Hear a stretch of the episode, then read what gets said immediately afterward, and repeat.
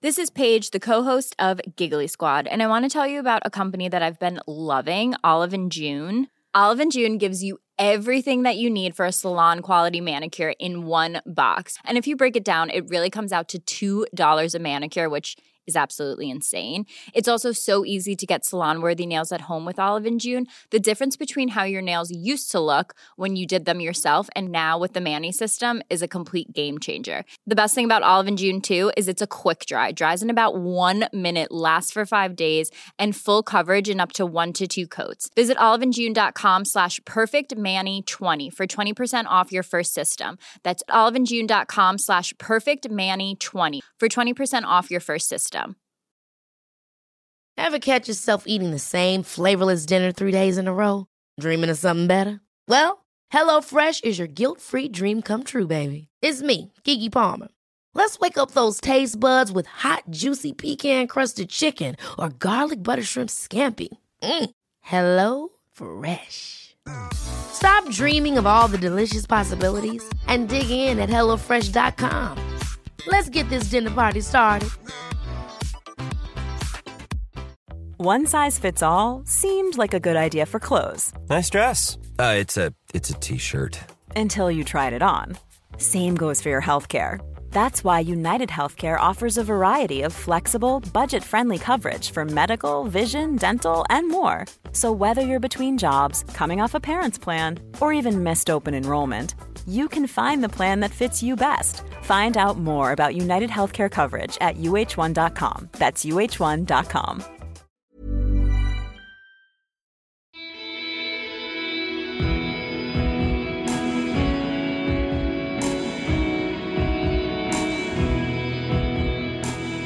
Hei og velkommen til eh, en ny episode av Kaptare påkast. En ny sesong. Sesong fem. Wow. Det har vært en lang pause. Altså relativt lang, i hvert fall. Eh, vi er jo allerede godt i gang med 2021. Um, tiden flyr, eh, må jeg si. Jeg har hatt eh, mer enn nok med både ene og andre. Um, men nå eh, hadde jeg veldig lyst til å komme i gang igjen, og jeg hadde veldig lyst til å eh, snakke om ting som kanskje ikke gikk direkte på løping og teknikk og trening og sånn, men allikevel er ganske viktig for oss løpere, nemlig pusting og hvordan vi kan puste for å prestere bedre. Og det eh, skal vi snakke om i dag. Men før jeg presenterer dagens gjest, så vil jeg bare si For jeg snakket ganske mye om i fjor. Jeg fant på i fjor uh, at vi skulle ha et mesterskap for å kåre den raskeste Kaptare-podkastlytteren. Så jeg lagde Kaptare-mesterskapet 2021 som sikkert noen har fått med seg, kanskje ikke alle, spørs om dere har lyttet lenge eller ei, men jeg lagde i hvert fall en løype som går herfra jeg sitter nå, rett utenfor meg langs Akerselva, fra Grünerløkka opp rundt eh, Opp til Bjølsen, Sandaker, rundt Voldsløkka og ned igjen. En ti kilometer løype som slett ikke var lett, eh, vil jeg si. Den eh, har ganske god stigning, og det er ikke bare bare når man skal løpe fort, som man gjør på en ti. Uansett så var det en del som løp, og jeg lovte jo til og med bort premier og greier, og det har jeg fikset. Så det jeg gjorde, eh, litt spontant her når jeg satt eh, nettopp her nå i sted, var at jeg ringte opp vinneren av Kaptaremesterskapet 2020.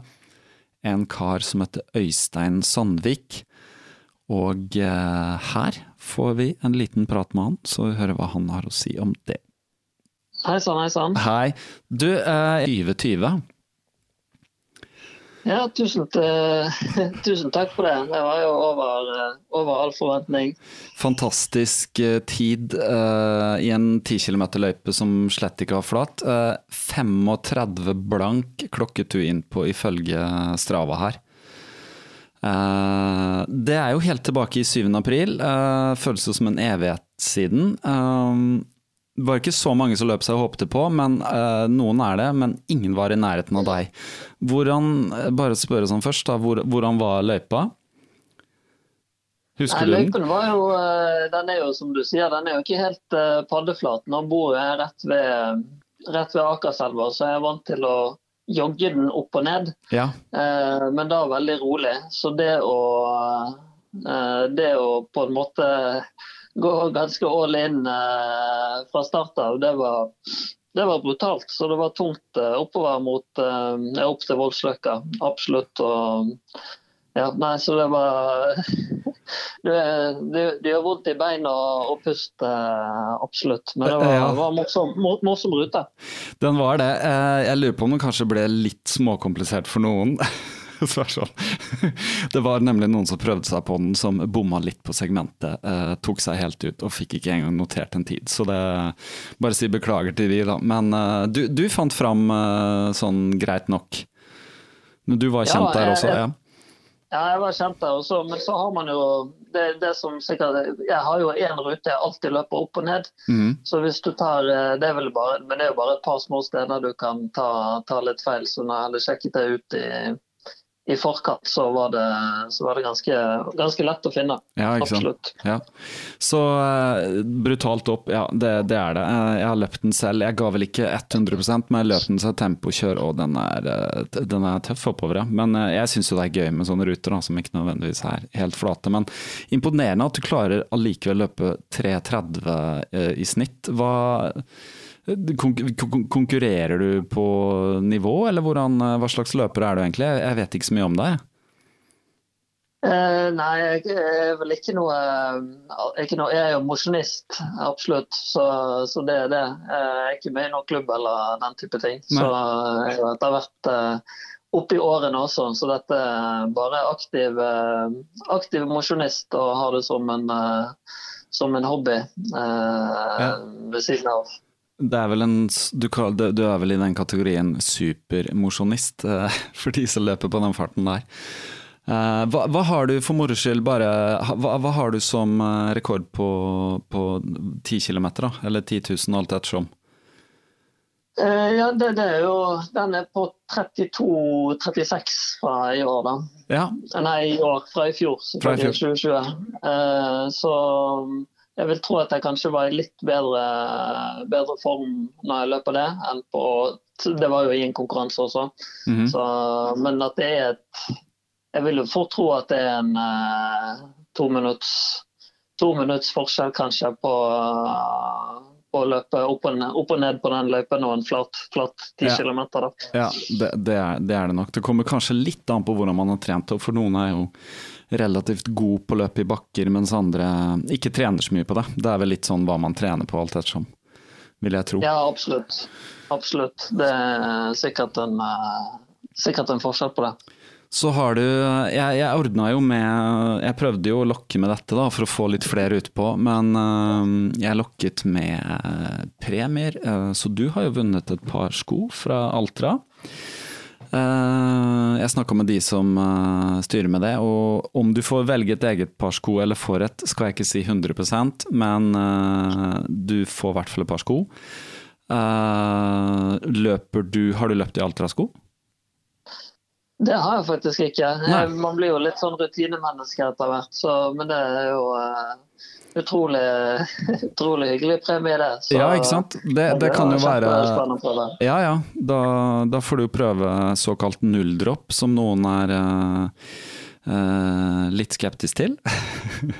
uh, for vi er jo vant til å løpe i sko som, som oftest har dropp, uh, selv om det varierer jo en god del. Men eh, da får du få prøve det, så får du bare eh, teste det innimellom på noen treningsturer og sånn, så får du se hva du får ut av det. Så får du finne ut av det med størrelsen og sånn. Jeg har vel snakka om at størrelsen er litt små, i hvert fall på eh, euro, da. Altså europ europeisk størrelser, så det, det må du bare sjekke ut, eh, rett og slett. Og så vet jeg eh, faktisk at du kjenner Sondre Lerche, og det hører jeg jo på, på dialekten din nå, at du er fra Bergen. Så Sondre har nevnt deg, faktisk. Uh, har du snakka med han uh, i det siste, eller? Uh, ja, ikke sånn mye. Jeg snakket så vidt med ham på en, på en melding her, så jeg har forstått at han har litt motivasjonsproblemer i det kalde været. Så, så tror jeg han sånn sett stort sett er på, på Han er vel mye i Bergen også nå om dagen, men, men det stemmer det. Vi har vel en del eller vi, vi, vokste vel opp litt sånn i, i, samme type Ikke i samme miljø, kanskje, men litt på samme skoler og ja, ja, ja. i nærheten av hverandre i Bergen. Så en del felles venner og sånt derfor. Hvordan har det vært for deg å løpe i vinter i kulda? Har det gått bra? Eh, nei, det har jo vært, Jeg er jo vant til å løpe en del på mølle, så ja. det har jo vært eh, det, Og den har jeg jo da løpt på, på sats, så det har vært litt eh, Når det har vært eh, minus 10-15 eh, grader, så er det jo litt det, Den dørstokken er jo, er jo definitivt høyere, men når man er såpass man er såpass mye inne uansett, så jeg har på en måte skjønt at jeg må ut. Eh, mm. Så da, eh, da Jeg vil jo påstå at det har blitt, eh, blitt en rutine nå etter hvert. Og så får vi og bare komme seg ut selv om det er kaldt. Og så har det jo heldigvis vært sol og fint. da. Så når man først kommer i gang, så går det jo fint. Ja, visst, og så er det jo uh, veldig fint å få luft når det også er lyst ute. da. Så ja. litt lettere å komme seg ut på dagtid. Ja, helt enig. Nå er vi heldigvis litt på rette siden, føler jeg, med litt lengre dager og sånn. Uh, men det har vært en utfordring i kulda. Du, jeg, jeg har ikke tid til å gå for mye inn på det, men i podkasten i dag så, så, snakker jeg med en kar som uh, er ganske inne på dette med pusting. Har du noe forhold til høres kanskje litt banalt ut spørre spør om, men har du noe forhold til pusting, og da pusting under løping? Har du noe bevisst forhold til dette med, med pusting og pusteteknikker, og at det kan endre på faktisk på, på form og sånn? Uh, nei, ja, jeg har jo et forhold til pusting. Ja, alle, alle har det, det er derfor det er litt banalt å spørre om. Men, uh, men uh, men ikke, sånn, eh, ikke at jeg har tenkt på det så mye under trening. Det, det jeg kanskje registrerer, er jo at uh, det virker som mange ofte puster som, uh, som selv om uh, hva skal man si, Selv om de er i bedre form enn meg, ofte pust, eller flere som puster på en måte mer og høyere. Mm. Så Det er vel kanskje noen strategier inni det der også. Jeg husker, jeg husker disse roerne med Olaf Tufte og sånt. Snakket mm. jo mye om dette på hvordan de skulle puste for å holde ut i eh, relativt korte perioder. Men, men selv har jeg aldri hatt noe hva skal man si, plan på det utover å, å faktisk puste. Nei. Så, men bare kjapt, hva, hva, sa de roerne, Olav Tufte og de, husker du hva de uh, uh, tenkte eller mente? Jeg husker at de pustet veldig sånn eh, At de var veldig bevisst på hva skal man si, puste kraftig. Mm -hmm. eh, og liksom eh, lange drag og ja, puste massivt med munnen i disse i disse, De har vel ganske korte, korte økter. de her. ja, ja. Men, men, og dette var vel spesielt også. Jeg lurer på om dette var knyttet til ja, Rio eller et eller annet sted hvor det var ja. veldig varmt. Så ja, det var et ekstra element. da, At ja. Eh, varmen um, gjorde at det var ekstra viktig med denne pustingen. da. Ja. Nei, men det er interessant. Det er interessant. Skjønner grunnen til at eh, jeg spør, er at jeg snakker med en kar i dag om pusting. Og det handler litt om faktisk nese, å puste med nesen og ikke med munn. Noe som vi kommer til å komme litt inn på, for det er nemlig kommet en bok nettopp Eh, som, en, eh, som, går litt i dybden på det her. Men eh, det, du, du, får høre på podkasten når den kommer, så skjønner du hva jeg snakker om. Og så regner jeg med at det kanskje er litt kontroversielt, faktisk. Fordi merkelig nok, når noen mener noe sterkt om noe, så kan det fort bli litt sånn at man syns det er litt kontroversielt, kanskje. Men det får vi nå bare se på. Høre på, mener jeg. Ja, det ble spennende å høre. Det skal jeg definitivt uh, få med meg. Ja, den uh, skal nok være ute ganske kjapt. Jeg sitter her og lager en intro nå. Men vet du hva, takk igjen Øystein for at du tok deg tid til en prat, og atter en gang eh, formidabel innsats i løypa. Og så får vi se hva vi finner på nå i 2021, eller om vi venter litt. rett og slett, Har du noen planer framover for løp, om det skulle gå? Uh, ja, det var det, da. Jeg har, uh, uh, jeg har en plan om altså London Marathon i oktober. Det ble jo utsatt to ganger i fjor, så ja. det er jo hovedmålet. Så mm. det har jeg vel et visst Selv om jeg ikke tror det før jeg ser det, så håper jeg på det. Og mhm. så er vel gjerne Bergen halvmaraton i siste helgen i april er et mål da, å prøve å få til. Men den er vel Den ante jeg er mer usikker på om jeg blir, blir gjennomført, om det blir gjennomført med, med, med deltakere så, så, hva skal man si, jeg får deltatt. Men ja. vi får se. Den skulle Den ble vel utsatt i fjor, ikke sant? Uh... Stemmer. Ja, ja. Nei, det, alt er litt uh, usikkert ennå. Uh, det skjer jo ting, men om det skjer fort nok, så Men Bergen, Bergen er fin. Har du løpt den ruta før, eller har du løpt halvmaraton før? Ja, løpt, ja, uh, løpt to ganger. Nå er det vel kanskje Det blir det sikkert to eller tre år siden sist. Mm. Så den, den syns jeg er Det er jo en veldig fin løype. Og så er den, selv om den den er faktisk litt uh, lettere enn uh, man kanskje tror. Det er ikke så, for det er veldig mye av løypen som, som er lettløp, bortsett fra, bortsett fra to-tre kilometer. Mm, som er oppover, rett og slett. ja. Ja.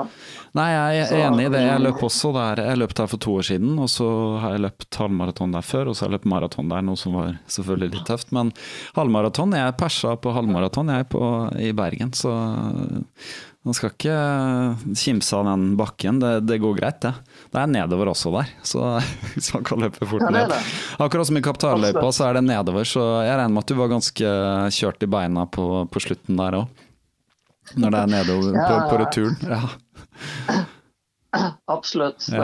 det, var definitivt. Men det er sterkt å perse i den bergensløypen uansett. Det, ja, jeg, jeg var, nok, uh, var, nok, ganske godt trent også, så det var uh, det godt uh, Ja, var, jeg, hadde forberedt meg godt med å trene en del oppover, så da, er man forberedt, så går det som oftest bra. Nei, men vet du hva, Øystein. vi snakkes sikkert en annen gang. Nå får du bare ha en god dag videre, også. takk igjen for at du tok deg tid, og, og grattis. Jo, takk skal du ha. Den er god, Øystein. Ha det godt. Ha det bra. Ha det, ha det. Så det var, det var Øystein. Eh, rask kar. Han, eh, vi slo av en liten prat etter å ha stoppa her også, så vi, vi, ble litt kjent. Han, han bor, eh, bor, faktisk rett borti gata her.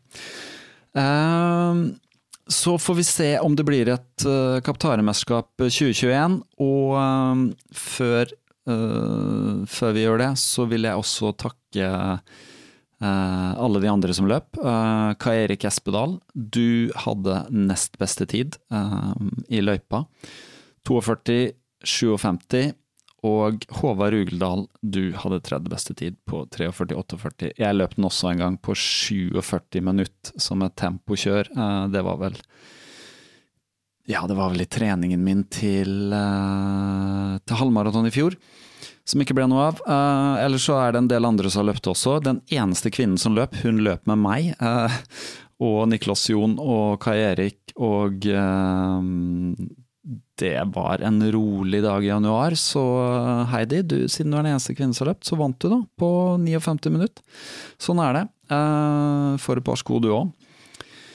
Men nå til dagens gjest. Jeg uh, har vært ganske opptatt av lenge, som noen har hørt, uh, om å puste. Uh, puste med nesen. Jeg forsøker å puste med nesen det meste av tiden, også når jeg løper. Hvorfor i all verden vil jeg finne på det? Vel, eksempel nå på vinteren så er det absolutt en fordel å puste med nesen når du løper. Da varmer man opp luften, blant annet.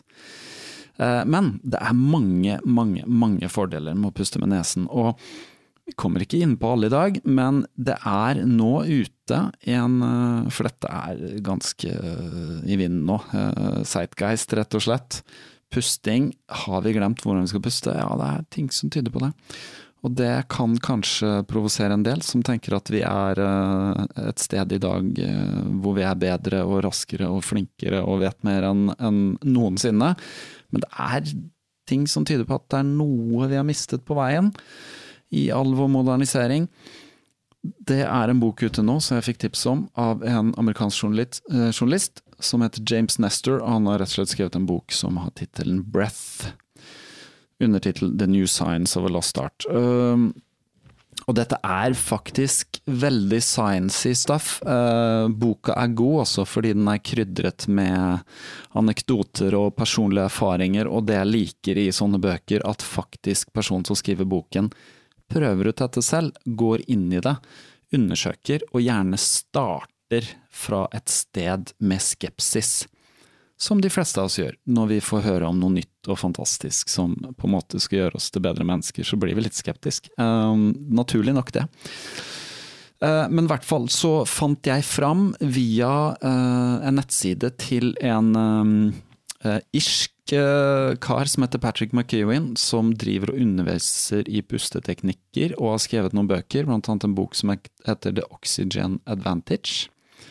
Og blant uh, annet så finner man på siden hans uh, instructors, altså instruktører som har blitt kursa i The, The Oxygen Advantage, hvor han puster for å på en måte optimalisere trening og hva man tåler. så fant jeg noen nordmenn, og en av de er en kar som heter Thomas Moss. Og han tok jeg kontakt med for å høre om han kunne snakke med meg litt om dette, og lære meg litt, og kanskje uh, lære dere litt. Håper jeg, uh, uten at vi syns det blir for uh, mystifistisk. når jeg snakka med Thomas, som var bare her det er ikke så mange dagene siden, så hadde ikke jeg begynt å lese den boka til James Nestor. nå har jeg lest nesten halve boka, for det, den er såpass interessant. Så, så nå vet jeg enda mer enn jeg visste. Og så, um, her om dagen også, så satte jeg på en podkast som jeg hører på fast, som er, um, ja, vil jeg si, min, uh, min venn Sid Garza Hillman, som er en amerikaner uh, som har vært her på podkasten. Som jeg har vært og besøkt i California, i Nord-California hvor han bor. Så viser det seg at han også utdanner seg til å bli en sånn Oxygen Advantage-instruktør. Han er bl.a. ernæringsfysiolog og har tatt uh, løpetrenerutdannelse nylig, og han sysler med ganske mye forskjellig. Uh, og så hørte jeg akkurat innen siste episoden av han, hans, så uh, snakker han om nettopp dette med pusting. Og da syns jeg det var så morsomt. han forklarer dette på en ganske morsom måte, så var det bare tips om å høre på den podkasten. Og så bare når det er sagt, så alle de ressursene med linker og sånn til alt vi snakker om i dag, det ligger i det som heter podkastnotatene. Men da må du liksom inn på telefon, og så må du inn der hvor du hører podkasten, og så må du klikke på ting. Så hvis du er interessert å gå videre, og det er kanskje liksom Kanskje 1% av dere som hører på dette er interessert i det, hva vet jeg, men da finnes det i hvert fall en god del ressurser der, for at her er det selvfølgelig mye egenstudier som gjelder. Det er ikke bare å høre en podkast, og så vips, uh, så er man mye flinkere til noe. Uh, sant? Man kan lære noe, men man må studere litt selv, og ta det litt videre. Uansett så syns jeg det var såpass morsomt at uh, Sid Garza Hillman snakka om nettopp det jeg også uh, var interessert i akkurat nå. Atter en gang, Zeitgeist. Så jeg ringte han opp på lørdag, eh, litt seint på kvelden, er ni timer eh, foran. Og så eh, snakka vi med hverandre, og så spurte jeg om jeg kunne ta et lite utdrag fra hans podkast og bare putte inn på, på, begynnelsen av denne, og det sa han selvfølgelig ja til. Så her kommer en liten halvannet minutt med Sid Garza Hillman som snakker bitte litt om pusting. Og hvis du vil høre mer av denne episoden, så linker jeg til den, men det er altså podkasten What Sid Thinks. I am going to get nutty nut nut on the breathing thing. This I almost named this episode uh, the annoying episode about breathing. So if you're like, Sid, I breathe, I think every day uh, already, hit pause. I don't care. I'm not talking about that the normal breathing because guess what? The normal breathings do. It's another thing that's not doing well for us. The way we normally breathe. Now, you might be Mister, you know, critic, criticize or criticism Stein about this, and you might go, sit breathing, really? But here's the thing. Here's how, here's how I look at it. You guys, did you read my first book, Approaching the Natural? This is how I see things. I see thing, I see intermittent fasting this way. I see my running coaching this way. I see my nutritional coaching this way. I don't see it as a new way to do things. I see it as a return to the more natural way, the approaching the natural. Not fully natural because we're living in a nutty nut nut world. It's what it is. But it's more. It's more natural. So you can say, well, breathing coaching. What do you need? Breathing. We all breathe. Sure, I know. And we all eat too. Frickin' Twinkies. Do you know what I'm saying? We all run too. But in super padded shoes with high heels and crazy arch support. And, you know, so it, we've clearly moved in the opposite direction of, of, an, of an existence that's more in line with our natural design. I'm gonna I'll argue that f- till the cows come home because cows are super unnatural. They're not wild. The paleo people ate meat, not that kind of meat, not not by a long shot. They did not. They wouldn't even recognize it. Then if they did, they wouldn't be able to talk about it because they couldn't talk. I don't think they'd probably draw a picture about it somewhere. I don't know. Så ja, det var eh, Sid Garth-Haleman. Jeg syns jo han er eh, veldig morsom, fordi at han har en viss type humor som eh, jeg kan kjenne meg igjen i. Den smått ironiske typen. Så, men i hvert fall her nå skal dere høre en samtale med Thomas eh, på telefon. Han befinner seg eh, på, i Vestfold, Åsgårdstrand. Thomas eh, var en veldig hyggelig fyr som var eh, veldig imøtekommende og åpen, og eh, som jeg syns det var gøy å snakke med, og som jeg har veldig lyst til å snakke med igjen. Eh, og så tror jeg at kanskje dette er et tema som vi kan forske litt videre på.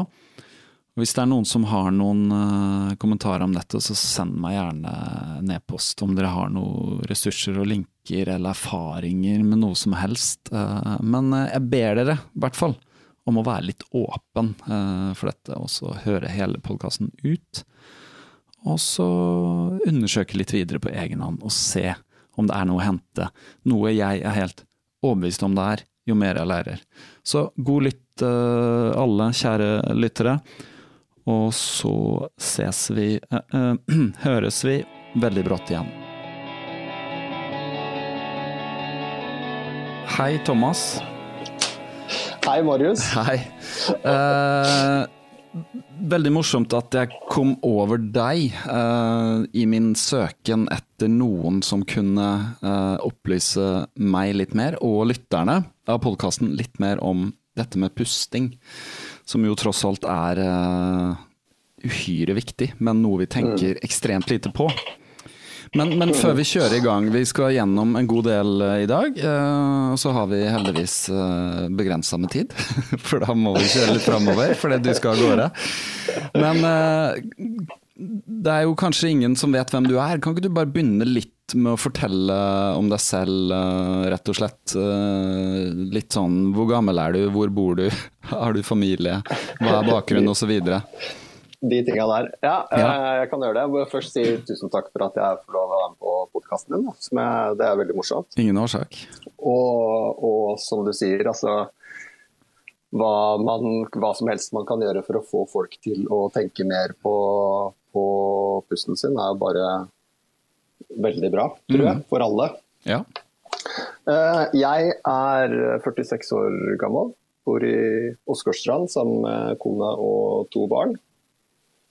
Eh, Møtte kona mi i Mexico. Eh, Hun er fra Canada. Mm. Ja, men har etablert oss i Norge. Da. Det er, dette er definitivt fasen nå. Er du fra Åsgårdstrand, eller området? Nei, jeg er litt sånn, er litt sånn flåsete å si at jeg ikke er fra noen steder, egentlig. Vi flytta veldig mye rundt da jeg var liten. Jeg bodde ti steder før jeg var ti år gammel.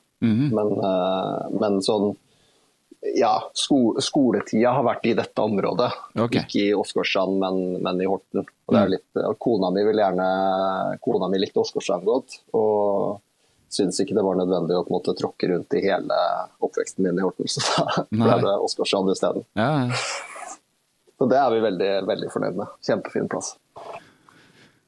Det, ser, det ser veldig fint ut av det, jeg har, det lille jeg har sett. Um, Men eh, hvordan, hvordan eh, Altså, vi skal jo prøve å komme fram til uh, der du er i dag, da. Men jeg, jeg vet litt, for vi har snakka litt i forkant her, selv om jeg, jeg kjenner deg jo ikke. Jeg kan bare si det veldig kjapt. Jeg fant deg via Oxygen Advantage-siden til Patrick McEwen, så vi kan komme inn på som du er instruktør. Men det er jo gøy å høre litt om din bio, litt din reise, for jeg ser jo at du har studert eller drevet med egne studier i en slags holistisk helsetilnærming, uh, Ja. som jeg også er litt interessert i. eh, og ikke bare ta bestanddelene, men se litt på helheten. Uh, Ja, ja ikke sant. Kjempeviktig. så, så jeg vet at du har en liten reise fram mot der du er i dag, som begynte med rett og slett en helseplage.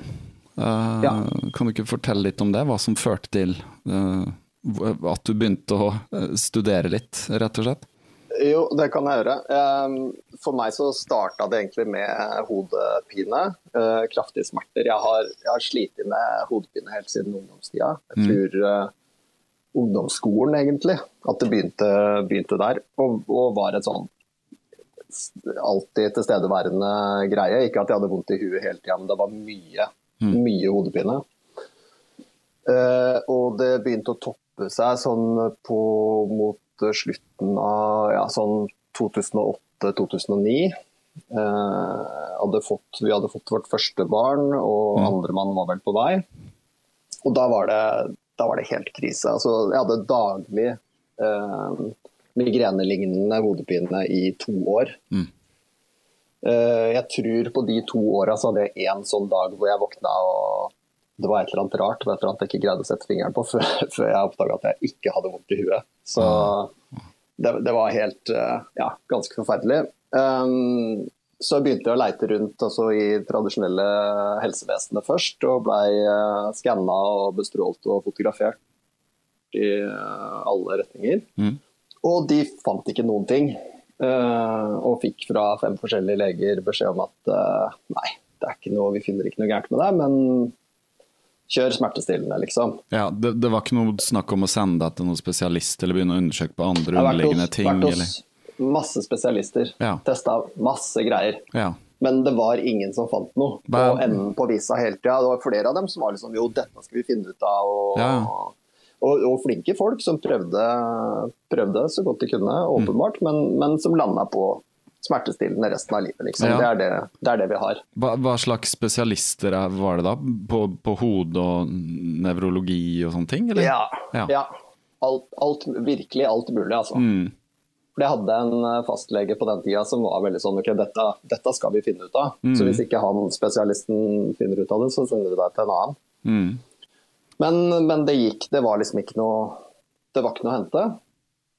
Og så jeg, hadde jeg et år hvor jeg dro til altså, alle alternativer. Altså fotsone, fotsoneterapi og healing og øreakupunktur og liksom bare ja, eh, gikk eh, fullstendig amok på den sida òg, med, med samme resultat. Det var noen ting som hjalp lite grann, men det var ingenting som fiksa problemet. Eh, og så var det en kompis av meg som tipsa meg om en uh, kiropraktor som, som opererer liksom ut fra holistiske prinsipper. Da, som du sier. Altså, det er ikke, hvis du har vondt i albuen, så er det ikke sikkert det er albuen som er problemet. Å si sånn. Vi, kan, vi kan jo stoppe ett sekund, og bare for de som tenker holistisk, hva er det? Det høres veldig sånn Det høres veldig mystisk ut. Ja. hva, hva, betyr, hva betyr egentlig holistisk? Hvis vi skal, Det er sikkert, det er sikkert altså Folk legger sikkert forskjellige ting i det. uh, men, men det, det er på en måte er sånn som jeg ser det, da, så handler det om altså helheten. Ja. Uh, hva, hva spiser du? Sover du godt om natta? Har du et bra forhold til kona di? Er det liksom, altså, hva, hva, er det, hva skjer i livet ditt? ja. Og det er jo veldig mange sykdommer også, som vi sikkert kan komme litt inn på senere, som er, som er helt merkelig. Ja. Altså, du, skulle, du skulle ikke tro at det ene resulterte i det andre, for å si det sånn, men du er nødt til å se helheten da, for, eh, for å komme til bunns i en del av disse tinga. ja. Og, han- og han fiksa meg på to behandlinger. Altså etter, etter, to år, så, etter to år med smerte, så hadde jeg to behandlinger, og så var det greit, liksom. hva, hva var det han gjorde da? Han korrigerte veldig, veldig lett den øverste, altså Atlas, den øverste, den øverste mm, leddet i ryggraden. Oi. Den som kraniet hviler på. Mm. Dytta litt på den, ikke noe knekking og ikke noe sånt, bare sånn dytt, dytt, dytt, dytt, dytt. Okay. Og det var jo første gang han gjorde det, det var bare sånn jeg lå der på benken, og, og det var akkurat som det ble skrudd opp, eh, lyset i rommet ble skrudd opp ti trinn, Oi. og tårene rant, og det var liksom Å, ja, helt merkelig opplevelse. Og så bare sånn boop, borte. Og så gikk jeg ut derfra og følte at, eh, liksom, at jeg kunne løpe maraton. Og, Ja, ja, ja. det, var, det, var, det var helt sprøtt, altså. Alt fløt igjen, på en måte, i energien. Ja. Det var, ja, nettopp. ikke sant? Og det har jo litt med det der holistiske å gjøre. Og at, Mm. at altså, nervesystemet kommuniserer bra, og du, du, er, i, du er i flyt da, på en helt annen måte. Mm. Men det Så er det var hvordan ganske altså, fantastisk. Ja, men det, det høres jo ganske utrolig ut. For at en så liten spesifikk ting, eh, som man da Ja. kan skjønne at få andre kunne korrigere, for de hadde vel kanskje ikke kunnskapen om Men dette må ha vært noe han visste om fra før? Han kiropraktoren? Ja, altså nå, jeg, nå har vi på en måte Kona mi har jobba flere år etter dette. Vi fikk jo veldig interesse for det ble kjent med folk. Kona mi har jobba med kiropraktorer og vært daglig leder i flere kiropraktorklinikker. Vi kjenner kiropraktorer i hele verden. Mm. Og det er sånn jeg, har, jeg har vært på noen sånne konferanser og sånn, hvor, hvor foredragsholdere sier liksom at åh, det er så, det hodepinegreiene, det er så kjedelig. Ja. Fordi det er liksom, Hvis du har vært kiropraktor i sju minutter, så har du hatt den opplevelsen at det kommer noen inn og du forandrer livet deres. Ja. Ikke sant? ja. Og så hvor jeg har rekt opp handa et par ganger og sagt at du, unnskyld, eh, jeg har vært der, liksom. Jeg har Mm. vært han typen. Mm. For meg var det ikke kjedelig. men, eh, Nei, at for de, de for tenker dem- sånn at Det er så vanlig, ja, da. Ja. De, de tenker at det er vanlig, og dette vet alle kiropraktorer og sånn, men altså, hvorfor er ikke den kunnskapen på en måte ute hos eh, allmennleger? da? At eh, å ja, hvis folk kommer inn, jeg har kronisk hodepine og sånn og sånn, ja, ja kanskje det kan være den øverste Kanskje atlasnerven eller den Ja. At noe Nei, ikke det, er, ja. eh, det er utrolig sært. Men, men det er jo noe med det at eh, altså, det er jo ikke alle For å si det sånn, så er det er en del uh, uenighet i det miljøet òg, da. Det er ikke alle det er ikke alle kiropraktorer som tenker holistisk og Mm. ser på energistrømmer og sånne ting. Og det blir Nei. litt sånn woo-woo, ikke sant. Det er ikke Ja. alle som er eh, åpne for det der heller. Nei, skjønner. skjønner. Men han, han du var hos, var det litt tilfeldig at, at du havna hos han? Eller? Ja, helt tilfeldig. Det var en kompis, eh, en kompis liksom, som anbefalte. Så, og så et, etter det så Det var jo en sånn øyeåpner, da. At oi, det er greit at altså, Jeg har aldri hørt om Atlas før, og det er én ting, men hva mer er det jeg ikke veit, liksom? mm. Hva mer kan eh, kroppen uh, tilby, for å si det sånn? Hvor var du på det punktet sånn, i en sånn helhets med, med trening og kosthold og Nei, ikke totalt uinteressert Ja, i begge deler, ja. vil jeg si. levde et vanlig sånn, liv på, på et Ja. vis? Ja. Ja. Ikke noe Aldri vært interessert i, i trening. Jeg trente kampsport eh, en periode i Oslo, men etter at vi flytta ned til Åsgårdstrand, så har ikke det vært noe ikke det vært noe greit. Kona mi har prøvd å få meg til å bli med og løpe noen ganger. og det var sånn, ja. Etter en, etter en kilometer, liksom. Så var sånn, hva hva er dette? Hvorfor gjør, vi dette? Det er vondt og ekkelt og slitsomt. Og, altså, jeg kan, kan løpe etter en ball med unger, liksom, men å løpe bare for å løpe er bare helt meningsløst. Ja. Da snakker du om da? Så- altså vi snakker om Ja, ja, da. ja, Ja, viktig, vi- viktig å understreke. Ja, for 10-12 år siden, eller ja. Så ja, litt, litt som veldig mange da, som er, hva skal jeg si, vanlige mennesker da, som uh, Mm. har trent, så, men så kommer man inn i jobb og barn, og så blir man sånn. Ja, Ja. hele den greia der. Helt klassisk. Jeg var helt klassisk. Jeg var han, han fyren. Ja. Uh, helt åpenbart. Men, men så begynte vi jo litt sånn når ungene ble født, og man er interessert i hva man putter i ungene og sånn òg, så vi begynte Mm. å lese en del sånn om tilsetningsstoffer og mat, og hva er naturlig og hva er ikke naturlig, og de tinga der, liksom. Mm. Eh, kona mi har vært vegetarianer før, så vi hoppa litt på den karusellen der. Og jeg hadde liksom en sånn følelse av at det er noe, dette funker ikke helt for meg. da. Ikke, det, ikke at vegetarianister ikke funka, men det er noe mer. Mhm. Kanskje man skulle kutte helt ut, kanskje man skulle bli veganer, liksom. Men det virker så ekstremt. Og Mm. nei, det er uff, slitsomt. Og kan ikke kjøpe pølse på bensinstasjonen mer og Mm. være, der, ikke sant. Men så så vi et par, særlig den Cowspiracy-filmen, jeg vet ikke om du kjenner til den? Jeg har sett den, jo da. Den er Ja. jo fantastisk. Eh, Ja. Det var den som, det var liksom triggeren for, eh, for oss. Vi så den, og så våkna vi om morgenen og så så på hverandre og så sa vi, ja, da, da er vi vel veganere, da. Ja, jeg har venner som på en måte har sett den, som ikke har vært interessert, og så ops. Den har dessverre en, en tittel da, som er litt sånn som kanskje folk tenker på Cowspiracy, hva, hva Det Ja, høres den- veldig sekt, sektisk ut. Men eh, Ja. det, det som er så kult, er at den er jo Det er en, en Den filmen handler Det er jo hans reise. Han som på en måte lagde den dokumentaren, er jo litt sånn vanlig fyr som Ja. er sånn hva skal jeg liksom, Hvordan kan jeg bli Mm. flinkere med miljøet og sånn? jeg kan jo dra litt rundt og spørre miljøvernorganisasjoner, og så er det sånn Ja, dusj mindre og vann plenen mindre og kjør Ja. litt mindre bil og sånn. Og så, så begynner jeg sånn Ja, hva, hva med kosthold, har det noe å si, og liksom hvordan vi dyrker mat og sånn. Nei, nei, nei, det er liksom Nei, Og så når han begynner å gjøre sin tenk undersøkelse, så skjønner han litt, da. Så sånn sett er den jo um, jeg, skal linke til den i, i podkastnotatene. Ja, ja, kjempebra. Den er jo den- på Netflix, og det som skjedde, kan bare ta det kjapt, da, er jo at Mm. uh, Leonardo DiCaprio han uh, ble en sånn produsent av den filmen eh, som fikk den eh, på Netflix og ute i det store, vide verden. Eh, rett og slett. Så det har jo hatt mye å si. Ja, ja, ja, Mm. absolutt. Og nå i seinere tid den uh, game changer, så tror jeg at det har vært en game changer. Ja, det det, sånn. det har det nok. Absolutt. Jeg møter så- mye unge, unge folk med mye muskler i butikken nå som lurer på hvor næringsgjær står hen. Og... Ja. så det er, ja, det er kjempegøy. Ja, det er det. det, er det. Men, Men det var et sånt eh, skifte for oss, da. ja, når skjedde dette da? Med, skjedde det brått, eller at dere Gikk dere liksom via å være vegetarianer og kutte sakte kjøtt og melkeprodukter og sånn, eller hvordan, Ja. hvor fort gikk Ja. dette da?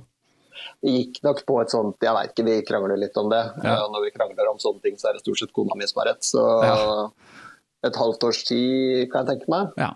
Fra liksom full bare- vanlig kost med kjøtt og melk og ost og egg og alt, til helt veganer på et halvt år? Ja. Ja. Og for meg, og, nei, men altså, altså fra vanlig til vegetarianer. Ja. Eh, og jeg sleit litt med, altså, som så mange, og det er jo fysiologiske grunner til, jeg syns det var veldig vanskelig å kutte ut ost. Mm. Det er liksom- siste instans. Ja, ja, ikke, sant? Ikke ta osten min, altså. Ikke sant? Ikke ta osten min. Det er greit, jeg kan slutte med kjøttgreiene, men osten min får du aldri. Eh, og det er jo interessant når man på en måte hører at altså, kaseinet, det proteinet i ost, på en måte oppfører seg eller går inn i de samme reseptorene som kokain i Ja. så er det klart det er eh, Ja, det er, det er helt, det er helt uh, crazy. Ja, det er det. det, er det. Men det, det kan jeg avhengig, fysisk avhengig av ting. Ja, jeg kan skrive under på det samme. Jeg var elsk, elsket ost. Jeg var vegetarianer i mange år, men ost var sånn, nei, det kunne jeg aldri kutte, og det var helt utelukka. Det siste jeg slutta å spise av ost, var um, parmesan. Ja, Så, ja. Men eh, jeg var storforbruker av ost og, eh, og eh, for så vidt kulturmelk. Veldig ja, hekta på Mm. kulturmelk. Ja, jeg kjenner meg igjen der. Ja, Frokostblanding med kulturmelk på Ja. morgenen, det er, eh, det er en greie, det. altså. ja. Det er det. Men eh, ok, så hvor mange år siden er det da? Eh, Hvor lenge har dere levd Jeg sånn? tror det er seks, seks år, Ja. Ja. noe sånt noe. Ja. Hvordan Og har, det var Ja. hvordan har, det, har, har det vært utfordringer siden, eller går det greit? Funker det? Nei, ja, jeg syns ikke det har vært noe problem i det hele tatt. Og, og sånn som det har vært nå de siste åra, hvor på en måte Ja, det er jo fordeler og ulemper der. da. Altså, hvis man ble veganer for 20 år siden, så var det på en måte ris og bønner som eh, var alternativet. Litt sånn grovt sagt. Men Ja. nå er det jo alternativer i alle retninger. Det er det. Det har jo blitt Så er vi jo eh, tilbake på ost, ostekarusellen igjen, for å si det sånn. Hva sa du? Ja, nå er jeg tilbake på ostekarusellen igjen, sier jeg. Altså, fordi det er så mye veganske oster. Ja, ja, sånn ja. eh, Ja, absolutt. Eh, det er jo mye oppskrifter også på å lage sine egne. Jeg ser jo folk drive Ja, ja. med kulturer og Ja. hele greia. Så det, jeg, jeg har sånn på lang sikt kommet dit, men vi, vi får se. Uh, Foreløpig har jeg nok med, med surdeigen, rett og slett. Husdyret. Ja. Ja. Men ok, så. Ja, det er det. Det, er det. det kan vi nøle skikkelig på. Men, men, Mm. Men eh, så kosthold, der kom dere inn. Hva, hva skjedde med trening og resten av kroppen da, i løpet av disse årene? Ja, altså Man blir jo Man blir jo lettere. Man gjør jo det. Ja, De fleste gjør det. Det tror jeg kanskje er i ferd med å snu litt nå, i og med at det, måte, man, du kan jo spise vegansk pizza og Oreo cookies. Ja. Uh, Få i deg dine 9000 kalorier om dagen uten problem. Så det, det er sant. Ikke sikkert at det er noe likhetstegn der mer nødvendigvis. Jeg håper, det håper jeg på en måte miljøet er litt obs på. Nei, for å bare dra den litt, så før så var det sånn hvis du så på en veganer, så garantert var det en bleik, tynn fyr i fotformsko, liksom. Med, ja, med gustent hår og sånn. I dag er det liksom helt motsatt. Det er den mest liksom Ja, eller du har jo jeg, det som er litt feil, er å generalisere veganere, for jeg ser jo alt, alt mulig, som sagt. Du kan være overvektig og utrent og usunn og leve på egentlig prosessert mat, eller du kan være en superfit fyr på ja. Ja. Så, så det Ja, er liksom så er jo alt. folk, eh, det er jo forskjellige. Altså, noen, eh, noen switcher over pga. Altså, miljø, miljøvernsaspekter. Mm. For andre er det egen helse, og, og for andre igjen så er det jo dyr og etikk. Og, Mm. Så, så det har jo veldig mye å si òg. Hva, er- hva er grunnen til at du Ja. tar det skrittet? Ja, ikke sant. Men eh, fortell litt om trening og hvordan du begynte å tenke på kroppen. Og, for det, det, vi- det vi skal inn på er jo litt sånn Du har erfaring med Wim Hof-metoden, som veldig mange kjenner til. Eh, Men du har også erfaring med Buteiko og disse tingene her, som jeg har lyst til å komme litt inn på. Men hvordan, hvordan eh, fant du ut av disse tingene? Jeg regner med at du Ja, var, interessert i å gjøre research, og at du på en måte e- etter at du holdt på å si ble kvitt hodepinen, så, så kom det en interesse for å finne ut av mer ting, og så har det vel akkumulert over år, da. Ja, men, men det var en sånn på en måte et sånt uh, aha-moment der òg, som også var totalt tilfeldig, egentlig. Jeg var Mm. på jobb uh, på, en, eh, på et, et sånt industriområde i Oslo Mm. uh, og måtte tisse. Og spurte hvor er det toalett i nærheten. Ja, det er et stykke unna, men det er liksom andre bygget der borte, bla, bla, bla. ikke sant? Og det var en sånn, jeg vet ikke, 600-700 meter unna, kanskje. Mhm. Og så hadde jeg litt dårlig tid, så da løp jeg istedenfor å gå. Mm.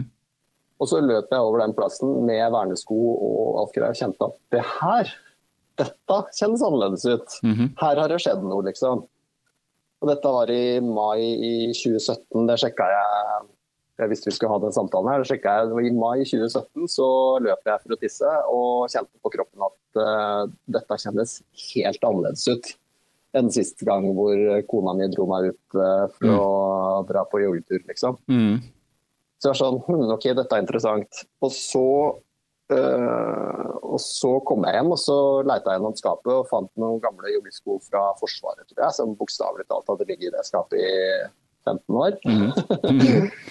Tok med meg de og dro ut og løp, og da løp jeg da løp jeg en fem kilometer, og det var liksom bare Jøss, dette er jo Det kjennes jo bare bra ut, liksom. Det var, det var, det var gøy å løpe. Mm. Eh, og så dagen etter der så løp jeg en fem kilometer til, og dagen etter der løp jeg fem kilometer, og, og dagen etter der og en lørdag så løp jeg ti kilometer. Mm. Og det var liksom Altså ja, det var Uten at jeg hadde på en måte merka det i det hele tatt, så hadde kroppen min stilt seg om fra, fra å hate å jogge til å forsiktig elske det litt, liksom. Mm. Ja, ja. Ja. Så det var eh, Så, så det ble jo Det var en ganske stor forandring, da.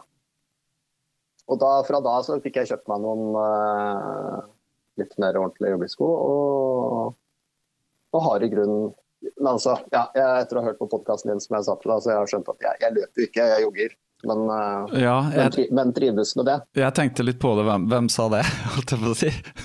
Nei, det, det tror jeg har kommet opp flere ganger. Altså, At ja. det er litt snarere, ikke på noe sånn, det er ikke noe nedlatende, eller jeg mener- ikke, det er ikke sånn ment i det hele tatt. Men altså, jeg, jeg skjønner jo det at uh, altså løpe fem, seks, sju, åtte, ti kilometer et par ganger i uka, det er jo ingenting. Nei. I forhold til dere som er ute og jakter kilometer ordentlig, liksom. Ja, ja. Nei, jeg, jeg, jeg er litt sånn ambivalent til akkurat det der ordet jogging. Fordi ja da, det, er- man jogger jo, men man løper jo. Jeg tenker når man ikke, Hvis man setter opp et tempo man ikke kan gå i lenger, så løper man jo per definisjon. Ja, jo da. så og så er det jo veldig sånn eh, Ja, joggere. Jeg vet ikke, det har en sånn klang rundt seg at det er sånn man jogger, liksom. Eh, jeg vet ikke, det, er vel egentlig et ord som kom fra USA å jogge liksom fra 80-tallet og sånn, innbiller meg. Jeg vet ikke. Ja, ok. Ja, nei, det kan godt hende. Det kan vi prøve å finne litt ut av, men uh... Ja, ja, ja. Nei, men det, men det for, for meg så handler det jo rett og slett bare om at uh, altså den, den gleden da, hvor bare Mm. komme hjem og så etter en lang dag på jobben uh, bare snøre på seg et par sko og så tømme huet. mm. Så helt uh, Ja. Kjempeålreit. Kjempeålreit. Så da merka du vel også fort at formen kom seg raskt også?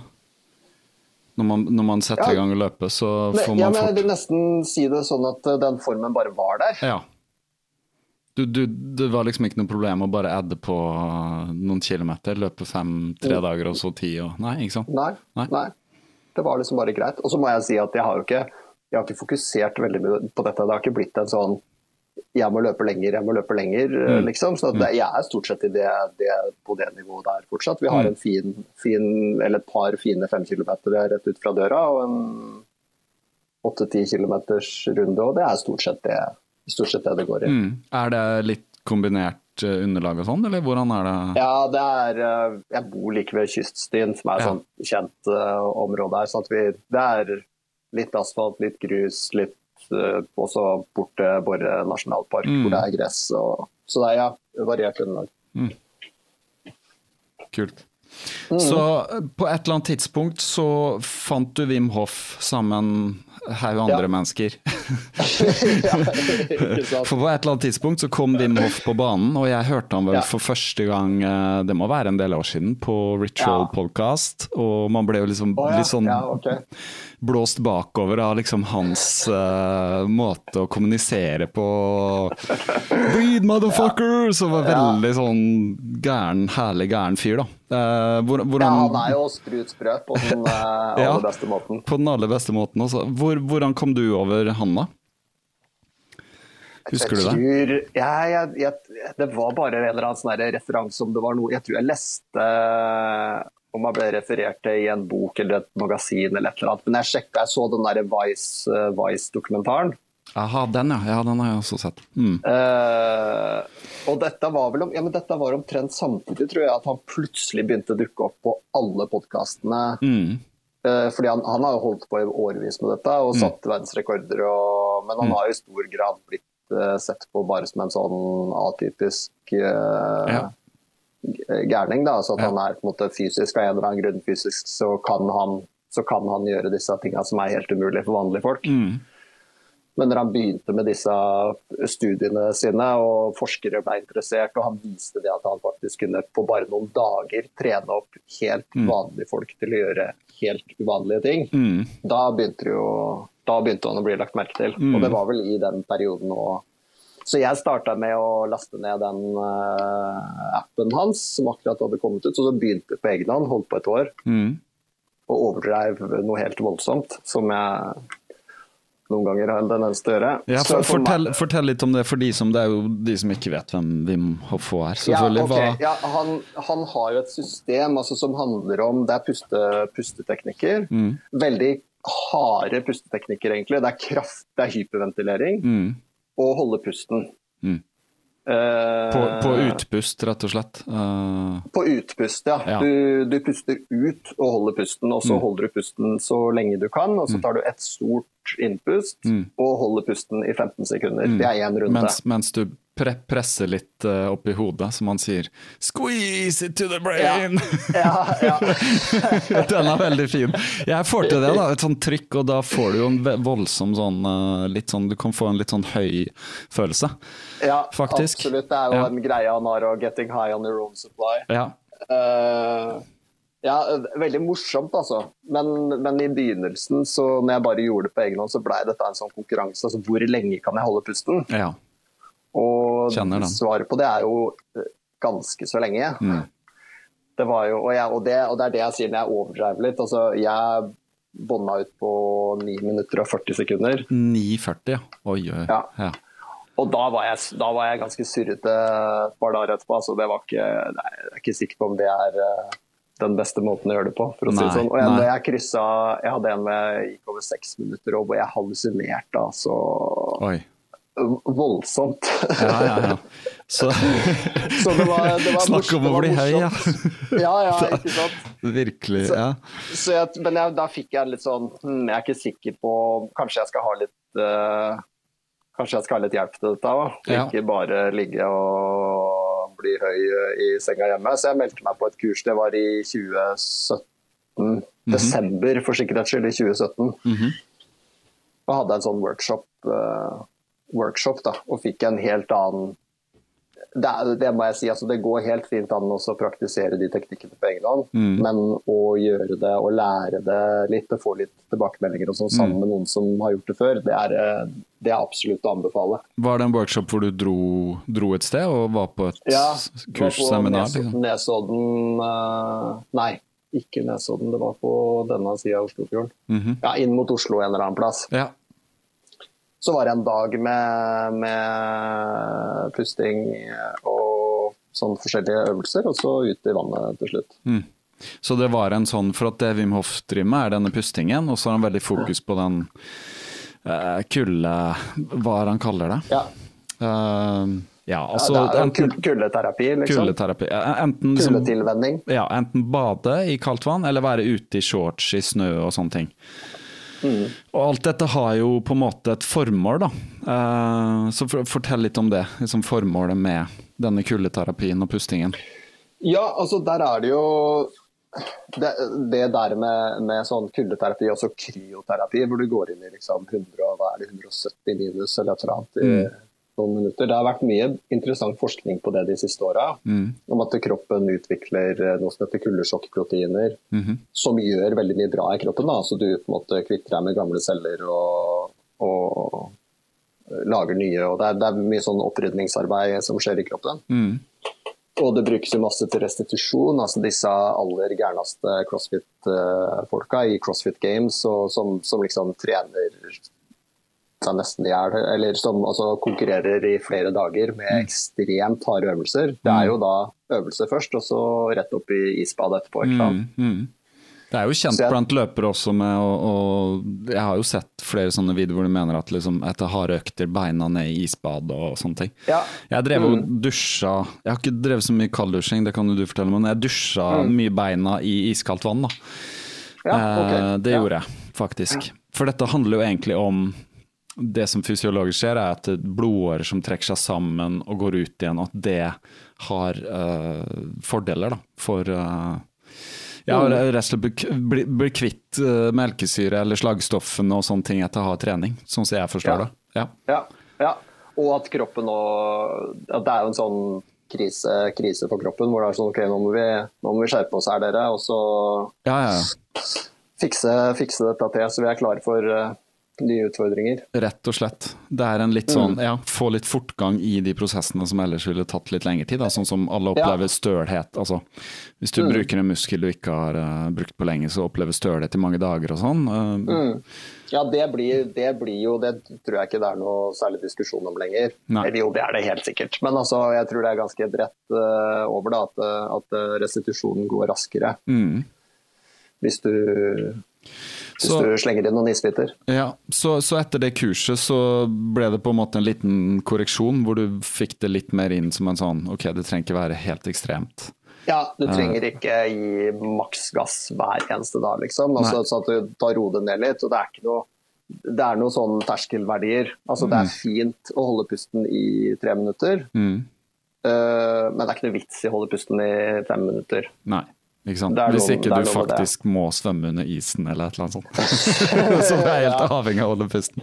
Ja, og det er litt sånn når vi går ut vi, i, i Vi bader jo kona med bader når i sjøen eh, hele året, og det er liksom 90 sekunder til tre minutter. Mm. Vi, vi står alltid i tre minutter. Ja. Uh, men det ikke du, du øker ikke på en måte de positive effektene hvis du dobler den tida, for å si det sånn. Nei. Så, så dere, dere, dere løper ut uh, av huset på en måte i badetøy også ut i, ut i vannet? Mm. Og det er, hvor, hvor langt er det fra huset deres? Nei, det er, vi er heldige sånn sett, så vi bor eh, tre kvartaler fra, Ja, fra en veldig ålreit badeplass. kort, kort, rett og slett. Pu- Puster. Mm. puster dere først da, eller? Nei. Nei.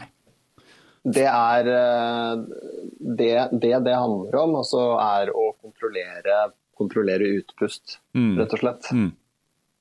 Og, og få Ja. kroppen, og det er jo hele målet òg. Altså, det, noe- det er ikke noe poeng å løpe ut. Så, så Isbading har jo blitt veldig populært nå siste åra, men det er, det er mange som måte løper ut i vannet, hyler og skriker, tar to tak og løper opp igjen og varmer Ja. seg. Da, da får du på en måte ikke noe Det er jo, det er, det er jo ikke noe gærent i det. Nei. Men de mer interessante, dypere fysiologiske effektene, de går du glipp av da, liksom. Mm. Du må ut i vannet, og så må du, må du roe deg ned Mm. og, og bli. Det er rett og slett kontrollere dem, for at alle som har gått ut i kaldt vann, om det er når som helst på sommeren, bare du er varm, så får du den Du får en Ja. sånn ikke sant? Eh, og Mm. da begynner man å stresspuste litt, men sånn som jeg skjønner det, når jeg også har prøvd å kalddusje, er jo bare få full kontroll på pusten og puste rolig, og da opplever du ikke at du fryser lenger. Nei. På samme Nei. måten, for hvis du stresser og på en måte står sånn, da, da er det en sånn Da føler du at du er kald. Eh, så da skjønner jeg at man løper opp igjen og sånn, men det handler om å få kontroll på pusten, og da kommer på en måte effekten, for da, da skjer jo det fysiologiske ting at ikke sant, Med blodgjennomstrømming og sånn som jeg skjønner det, så blir liksom blodomløpet omfordelt og liksom ut i uh, ytre kapillærer og sånn, da, for å varme opp, ikke sant, eller holde varmen og sånn. Som er liksom Ja, eller fordelsmessig for hele, hele blodomløpet. Mm. Og så har jo vist som, som folk inntil nylig mente var helt umulig, altså som, som forskning i forbindelse med Wim Hof har, har vist, at når du står ute i kaldt vann sånn, at du over tid utvikler brunt fett Ja. rundt uh, i torsoen. Mm. Som man tradisjonelt sett sa, har sagt at uh, brunt fett det er, har babyer. Mm. Og når du vokser av deg det, så kan du ikke bygge det tilbake igjen. liksom. Babyer og seler, liksom. Babyer og seler, ja. ja. Ja, rett og slett. Ja, brunt fett det er interessant, fordi det er på en måte et sunt fett, men som også beskytter kroppen mot eh, ytre kulde. Da. Som Ja. de mener at vi hadde mye mer av før, når vi uh, ikke hadde så mye varme klær, når vi hadde det kaldere inne og sånne ting. Mens nå har vi på en måte alltid, vi kan fyre opp inne, vi kan uh, ta på oss masse klær og sånn. Jeg merker jo bare det med meg, hvordan jeg er på vinteren, at jeg fryser veldig lett. Særlig i begynnelsen av vinteren, og så liksom går det seg på en måte litt til, da. Men det snakker vi også om, løpe, løp i shorts, og det er mange som, eh, som har studert Wim Hof litt, som, som skjønner det der at man trenger jo ikke ta på seg så innmari mye når man løper Nei. ut. Nei. Du, du fortalte meg at du løper i shorts selv nå, eller? På når det er 10-12 minus og sånn? Ja, ja, eller ti er vel, har jeg vel satt som en sånn Ja. eh, grense. Men ja. Så det er jo sånn sett eh, på klesbudsjettet er det jo veldig bra. Da. Så jeg har på en måte samme løpeantrekk hele året, og det er shorts og sko og sokker, liksom. Ja. Men du, du kler du på deg oventil med jakke og vanter og lue og sånn, eller? Nei. Nei.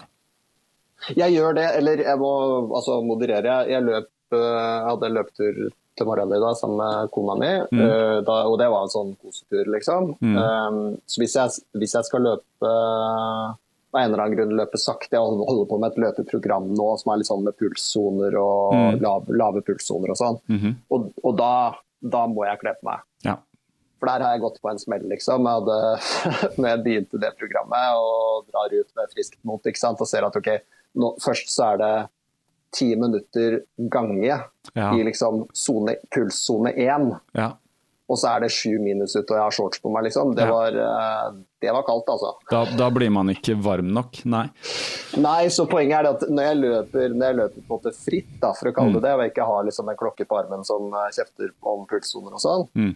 da er det greit. Da, da har jeg shorts på meg. Ja.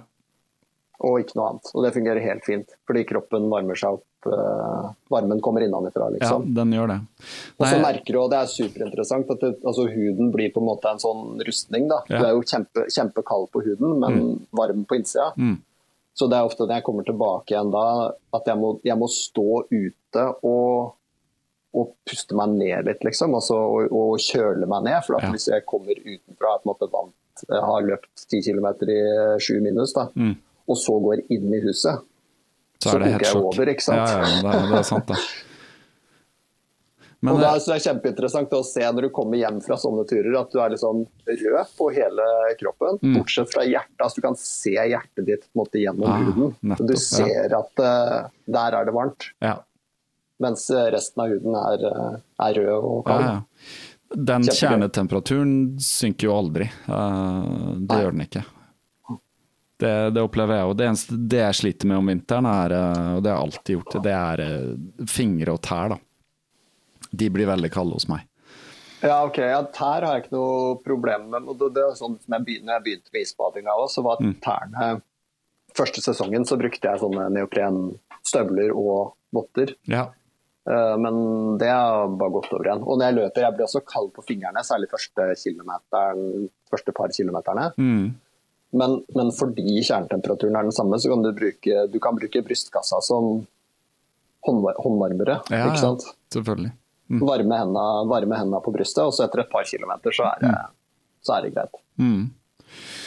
Men ok, så fra Wim Hoff til eh, Konstantin Buteiko, som, eh, er det sånn man uttaler navnet hans? Han var vel Ja, det eh, syns jeg er helt, eh, helt sikkert en grei uttale. Ja, for det er jo det vi skal litt fram til her, fordi det jeg har lyst til å snakke litt om, eller opplyse på en måte om, da, eh, så, så godt vi kan gjøre, er jo litt dette med en pusting som ikke ligner på Wim Hoff sin, egentlig. Eh, som er den eh, litt sånn det motsatte, men som du kan si er en litt sånn utfyllende pusting. Fordi hvordan skal man puste? Man kan jo, som vi om her om man kan liksom ikke Wim Hoff-puste 24 timer i døgnet og stresspuste på den måten.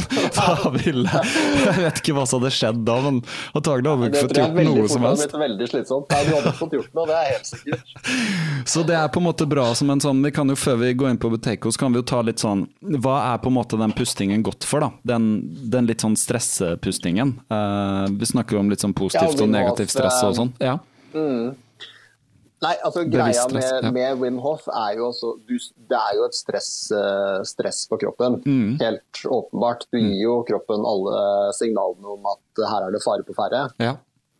Nå du kommer det en bjørn. Du, eh, ikke sant? ikke sant? Nå må vi bare komme oss unna, og så må vi gjemme oss og holde pusten mens bjørnen løper etter oss. Ja, ja. Eh, altså, det er jo det er en stresser eh, for kroppen, men mm, du ror deg veldig ned etterpå, fordi det er en bevisst det er, en bevisst, det er et bevisst stress Mm. som du påfører deg sjøl, Mm. og så slapper du av etterpå. Mm. Så, så ofte det mange gjør, er å, å kjøre den Wim Hof-runden sin, eller de rundene rett etter at man våkner, ja. uh, før du spiser frokost, og for å fy, fyre opp kroppen ordentlig. Mm. Og så roer du deg helt ned etterpå. Mm. Og så kan du starte dagen. Kjempebra. Ja. Jeg har har opplevd det etter Wim Hof, at det er litt lettere på en måte å komme inn i sånn meditasjonstilstand. Yep. Yes. Mm. Eh, Jeg opplever også at de utpustene, og å holde pusten, er Da prøver jeg på en måte å meditere, da. Eh, Eller en sånn Mm. da, da er jeg veldig bevisst på liksom de tingene som skjer når man mediterer. At hjernen er ekstremt aktiv, da. At den bare begynner å fyre opp sånn Hei, hva skal vi gjøre i dag? Og dette skal jeg gjøre, og dette skal jeg gjøre, og dette skal jeg gjøre. Og du må huske på det, og ja, det, og det, og det, og det. og Det Det er bare sånn monkey brain, ikke sant. Men så er det den derre ja, ja, ja, slapp av. Ok, slapp av. slapp av. Og så merker man at man flytter unna, og så er det tilbake igjen. Og det kan jo skje bare på de to minuttene. Altså på en måte meditere to minutter kan jo føles lenge, eller litt krevende. Og bare være stille, rett og slett. Ja, og det syns jeg er kjempeinteressant. Og den, den holder pusten-perioden. Mm. At du, du puster deg veldig opp, og så holder du pusten og er rolig. Og Ja. så kjenne på, og bare ligge og kjenne Ja. på hva som skjer i kroppen. Mm. Men du merker jo at eh, blodet fosser gjennom årene. og Det er veldig mye spennende ting som skjer i kroppen som man kan ligge og kose seg med og følge med på da, Ja, mens, man, mens man holder pusten. Ja, det er sant. Det som man Eh, ikke legger merke til ellers. ja. Så, men, men eh, for å komme til Så, så det er en stresser, og man kan bli litt sånn gira og klar og sånn. Eh, Og det er mange som har Altså, jeg vet, ikke sant. Hvis du skal ut og holde en tale eller et eller annet og gire opp, liksom, hvis du skal ut på scenen, da. Hvis du er en, en, eh, en som holder foredrag og sånt, så er det mange som driver med sånne ting. Og girer seg litt opp og liksom, ikke sant, for å komme i en sånn flyt, da. Eh, eller faktisk, jeg har gjort det før. Jeg husker en, en av de åra jeg løp eh, eh, Det var vel Ecotrail. Så pusta jeg sånn før jeg løp, og følte at jeg var ekstremt klar liksom, for start. Uh, sammen med alt det adrenalinet som kom og sånn. Ja. Så jeg har brukt det litt sånn også. Er morsomt. Men, men så, så er det en, et helt annet sted i verden, i en helt annen tid, eh, så eh, var det en fyr som het Konstantin Buteko, russer. Fortell litt om Mm. han. Ja, han var, han var lege. Mm. eh, involvert i det der rom, romkappløpsprogrammet til Russland for øvrig. Og forska på liksom sånn pusting, fornuftig pusting når man er i verdensrommet. Mm. Teoretisert litt rundt det. Hvor du hadde begrenset med oksygen og sånn. Ja. Ja, eh, men det som var på en måte hans store sånn aha-opplevelse Han hadde veldig høyt blodtrykk, altså Mm. kronisk høyt blodtrykk, Mm. og, som han sleit med hele livet. Og så drev han ikke hele livet, men i hvert fall første delen av livet. Mm. Eh, og han, han jobba på et, eh, et sykehus hvor det var en avdeling med Åh, nå står det helt stille. for- Altså lunge, lunge, Ja. lungesyke ja. Eh, som, som lå der for å dø, mer eller mindre. Altså, De Mm. var uh, lungeemfysem, er det det heter? Ja, Nei, Nå sikkert. ble jeg litt eh, usikker. I hvert fall, de, de lå der og, og venta på å dø. Og han begynte å legge merke til at eh, i, det de, altså i den dødsfasen, eller når de gikk mot slutten, Mm. så begynte pusten å bli veldig urytmisk Mm. og kraftig. Og, altså, de pusta veldig annerledes. Mm. Og så tenkte han også, hva, hva skjer her egentlig? Altså Dør de fordi pusten blir uregelmessig, eller blir pusten uregelmessig fordi de skal dø? Mm. Og så begynte han å se litt på dette, begynte å teste litt på seg, eksperimentere på seg sjøl, og så redusere pusten, puste mindre, lettere, Mm. eh, og ta inn mindre oksygen. Da.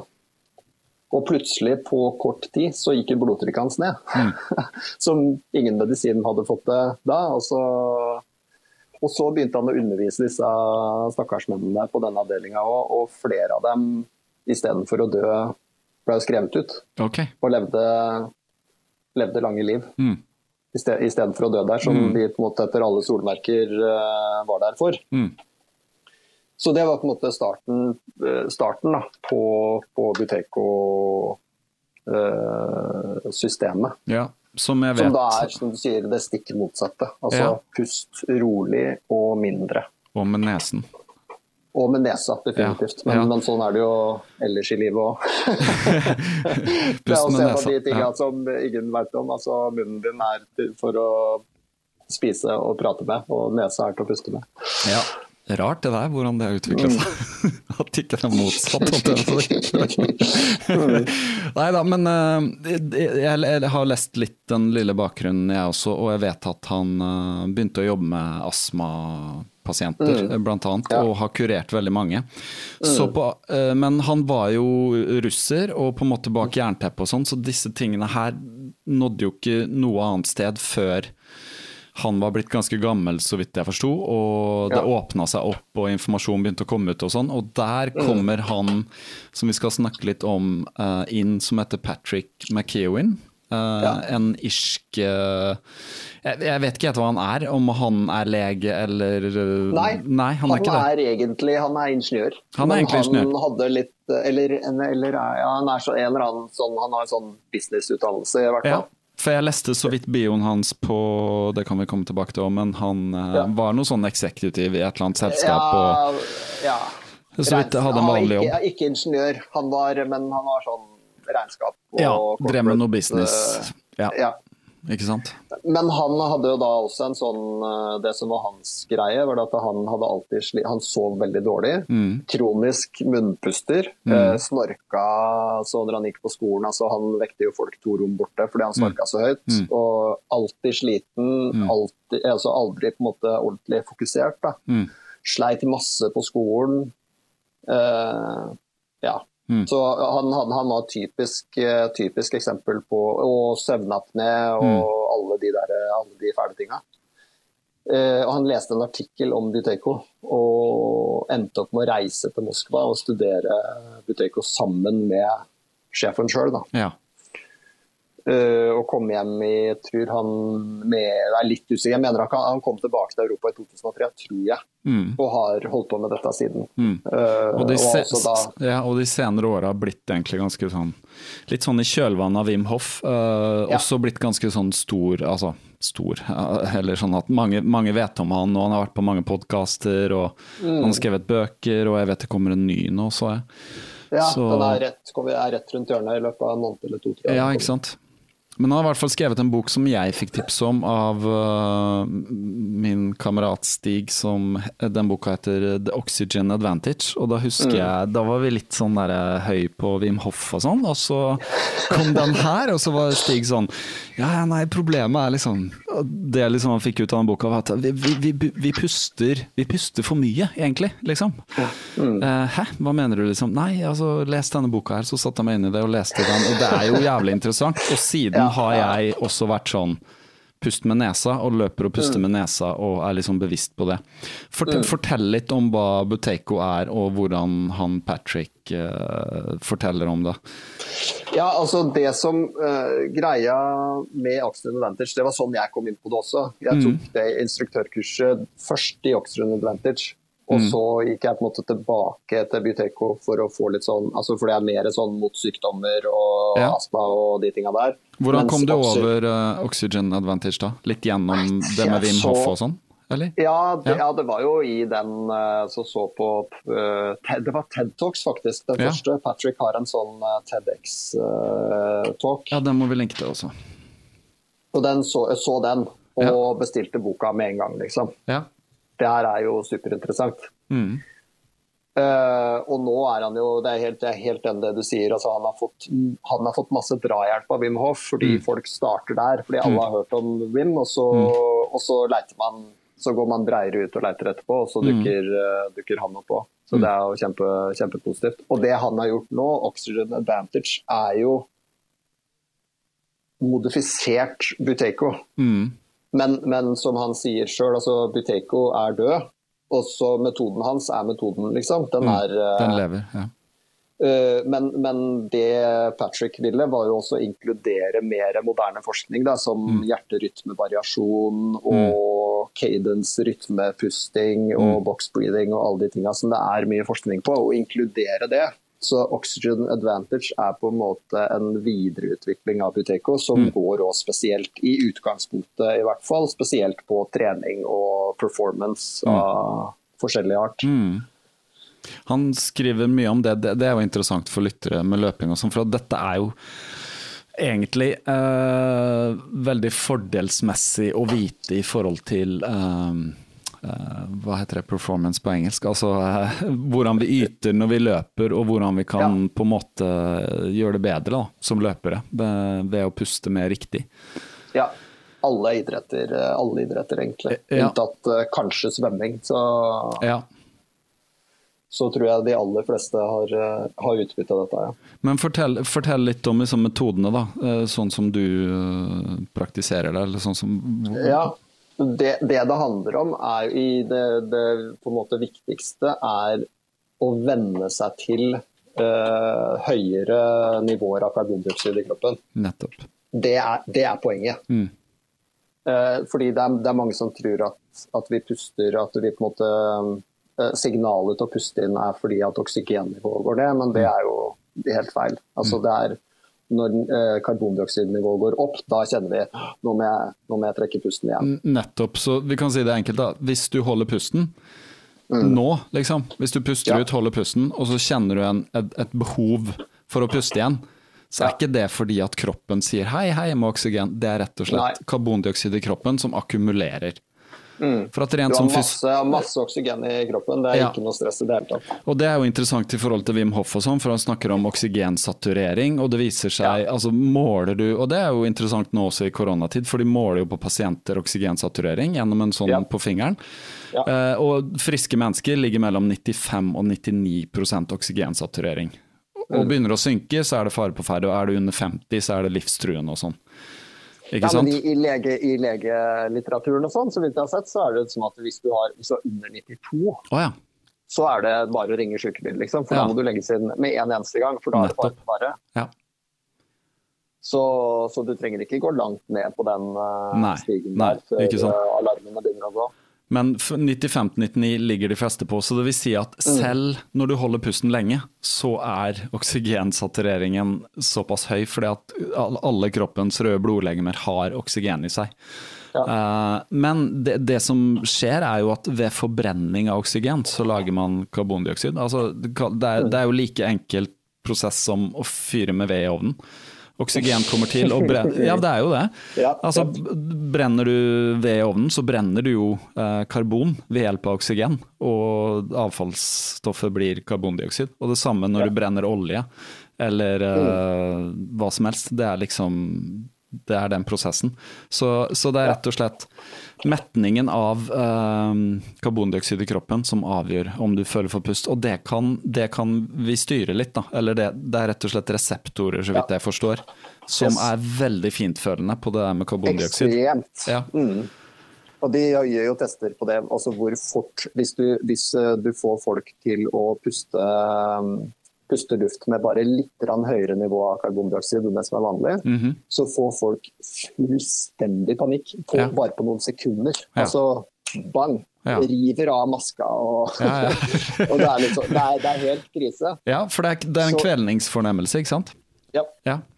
Og det viser jo med all mulig tydelighet hvor eh, sensitive de eh, reseptorene for Mm. karbondioksid er. Mm. At det, bare de ørsmå forandringer i nivået, så friker folk helt ut. Mm. Og det er det både Oxygen Advantage og Buteyko jobber med. Altså øke, øke mm, Altså til, tilpasse det, da, sånn at du, tåler høyere nivå av karbondioksid. Ja. Og hva, hva er på en måte Hva, hva er liksom fordelen av det? For det er eh, en god del, så vidt jeg forstår. Ja, det er eh, fordeler i bøtter og spann. Altså, det er blitt en sånn samfunnshelt med på det du sa i stad, at vi, er, vi, kan, vi kan jo bare kle på oss. Altså, og den Mm. derre norske, særnorske Det må jo være lov å kose seg litt. Mm. Uh, så hvis vi tenker hvis vi dropper én setning fra norsk kultur, så kunne det fint vært den. Mm. Fordi, fordi at det er liksom blitt til at vi kan jo kose oss hele tida. Vi må kose oss alltid. Ja, Det er aldri, trenger aldri være noe ukomfortabel i det hele tatt. det hele tatt. Kjøre bil til jobben, sitte på jobben, kjøre til butikken, kjøre hjem, se Ja. på TV, gå og legge seg. Spise alt Repeat. man vil. Ja. Spise alt man vil hele året, ikke noe problem. Og, og litt av det samme er det, er det med pusten, selv om det høres helt absurd ut for de fleste. Så puster vi, akkurat som vi eh, sånn samfunnsmessig ofte spiser mer enn kroppen trenger, Mm. så puster vi også mer enn kroppen trenger. Og da reduserer vi den, da reduserer vi den eh, Altså at vi, vi friker ut raskere Ja. karbondioksid, og så puster vi mer. Vi det, mer det føles ut som vi trenger det. Vi blir rett og slett mer sensitive for karbondioksid da, i Ja. kroppen. Ja. Ja. Mens hvis du øker toleransen for karbondioksid, så, kan, så vil du puste langsommere, roligere, mer eh, diafragmatisk. Mm. Altså med puste med mellomgulvet istedenfor å puste med brystkassa. brystkassa. -hmm. Og du puster mer effektivt. Mm. Og når du puster mer effektivt, så betyr det at du trenger å bruke Det er mindre energi som går med til det å puste. ja. Fordi du bruker mye mindre muskler. Det er, altså alt, alt flyter mye lettere. Mm. I tillegg til at karbondioksid er en, eh, norsk, en vasodilator. Altså det øker eh, omkretsen på blodårene. Mm. Når, du har, når karbondioksidnivået i kroppen går opp, så øker diameteren på blodårene også. Mm. Som gjør at blodtrykket går ned, og alt fungerer bedre. Det blir mer effektivt. Ja, og det som er interessant også, vidt jeg forstår, er at faktisk Det er ikke sånn at oksygen og karbondioksid er separert fra hverandre heller. Eh, karbondioksid er med på å hjelpe til utnyttelsen av oksygen i kroppen også, så vidt jeg forstår. Der er det en veldig fin balanse også i kroppen. At når den blir forrykt, så får du på en måte ikke utnytta eh, oksygenet da, til, til det fulle. Nei, det er, det er helt klart. Det er sånn, jeg husker ikke hvem som sa det, dessverre, men så, så veldig, veldig fin måte å forklare det på. At karbondioksidet holder oksygenet i handa og tar dem inn i cellene. Ja. Altså Det- hvis, hvis det er lite karbondioksid i kroppen, så blir oksygenopptaket veldig dårlig også. Og Det er også en, en Wim Hof-greie. Mm. At kroppen er full av oksygen, og du er oksygen i alle, alle eh, hemoglobinene er fulle av oksygen. Men de blir ikke tatt opp, de blir ikke frakta inn i cellene fordi at det ikke er karbondioksid der, eller er veldig lite. da. Så det, så det vi kan spole litt tilbake, så kan vi si at grunnen til at man kan holde pusten så innmari lenge på Wim Hof-metoden, er at man hyperventilerer og ikke egentlig saturerer med oksygen, men du tømmer deg for karbondioksid. Sånn at det tar lang tid for kroppen å bygge opp igjen karbondioksid, som igjen gjør at eh, når det blir såpass høyt, da må du puste igjen. Ikke Og det er jo eh, mye som tilsier at det, for man blir ofte litt sånn svimmel og Ja. høy da, av, Ja. av den teknikken. At det det handler om egentlig, er fordi at eh, det er ikke at fordi Vi må forklare det på en måte sånn at eh, ja, fordi du har så høye nivåer av oksygen, så blir du blir rusa på oksygen. Mm. Men det er ikke det som skjer. Poenget er at uh, fordi det er så lite CO2, så blir det ikke, det oksygenet blir ikke løst ut. Rett og slett. Så, så hjernen din faktisk får for lite oksygen Ja. og begynner å surre litt. I den perioden etterpå, ja. Det, det, det, det make jo sense, uh, som Mm. Ja, det heter. det gjør det. Det gjør det, når vi vet hva som Som fysiologisk skjer. For det, Mm. det som er veldig fint med han Patrick, er at det er veldig metodisk, det er veldig vitenskapelig forklart.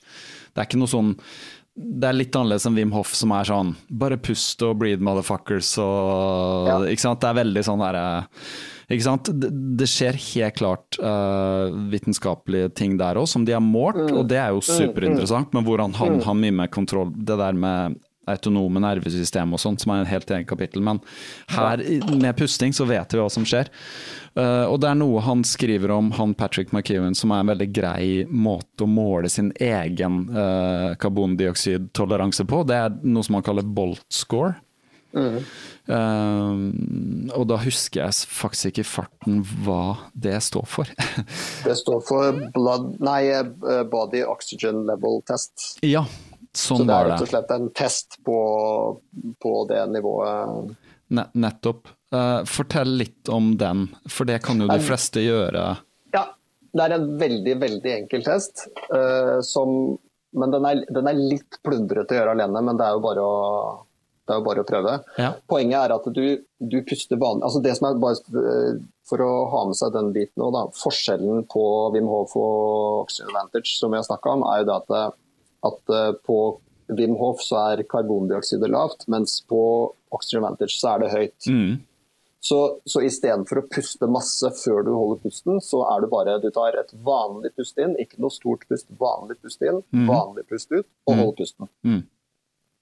Og så tar du tida. Setter på en stoppeklokke når du har pusta ut. Det er en fordel å holde for nesa òg, for at du ikke skal at du ikke måte jukser inn. Ja. ubevisst. Ja. Og, og grunnen til at det er litt eh, at det er lettere å gjøre det sammen med noen, det er fordi at det du ser etter Du ser etter den, etter første involuntary, ufrivillige behovet for å puste, som ofte skjer enten med en sånn liten spasme i, i brystet eller i halsen, og du har en liten sånn, en liten sånn en, Mm. da stopper du da Ja. stopper du klokka. Ja. Og det, det som er, det blir veldig fort eh, en sånn eh, konkurranse. Ikke sant? Det, det, er ikke, det er ikke for å sjekke hvor lenge du kan holde pusten. Det er ikke en eh, holde pusten-konkurranse. Det, det eneste du måler, er når du får den første ja. impulsen Mm. til å puste. Så det er rett og slett en, en fysisk impuls. Jeg ser han skriver Ja. om både i diaphragm, altså nede i uh, Rett under brystet i mageregionen, eller i nakken, ja. Så det er en sånn mm. Så det kan man jo bare gjøre. jeg ville sagt nakken. Er det, er det kanskje dårlig oversettelse? Eller det er halsen oppe, ikke Ja. nakken du Ja, ser ikke sant. Han skriver neck, så det er jo Ja, halsen. det halsen. Mm. Nettopp. nettopp. Ja. Så, så hvis du har noen som sitter og ser på deg, så er det litt vanskeligere å jukse, for å si det sånn. Ja. Og, og poenget er at, og det er, det er veldig viktig å understreke at når du, hvis du kjører den testen på deg sjøl, prøv å være Det er viktig å være ærlig, liksom. Mm. Ikke prøv å dra det lenger enn nødvendig. Du prøver å finne det punktet da, hvor, hvor kroppen din sier hei, hei, følg med litt, nå må vi puste, liksom. Det er det du er på jakt etter. Ja.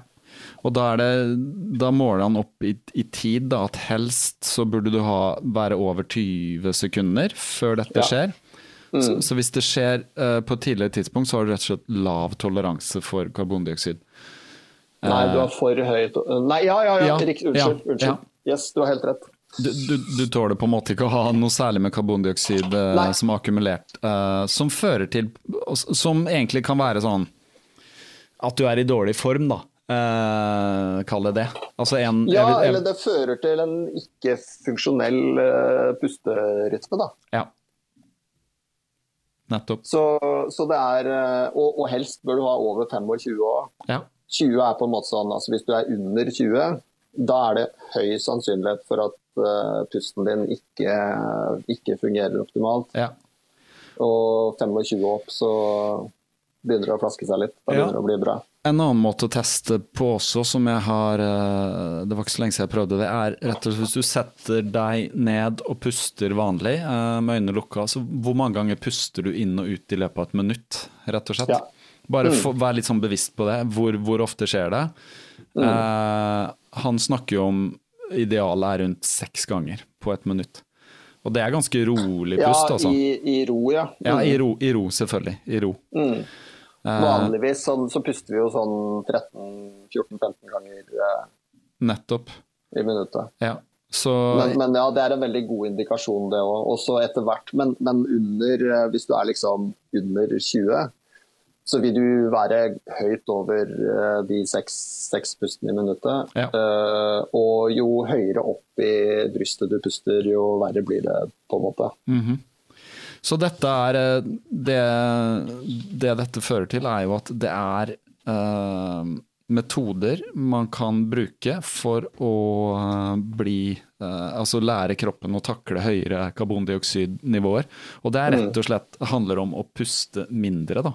Kjenn på den, som han skriver på engelsk, air hunger. Altså når Ja. du er sulten på luft.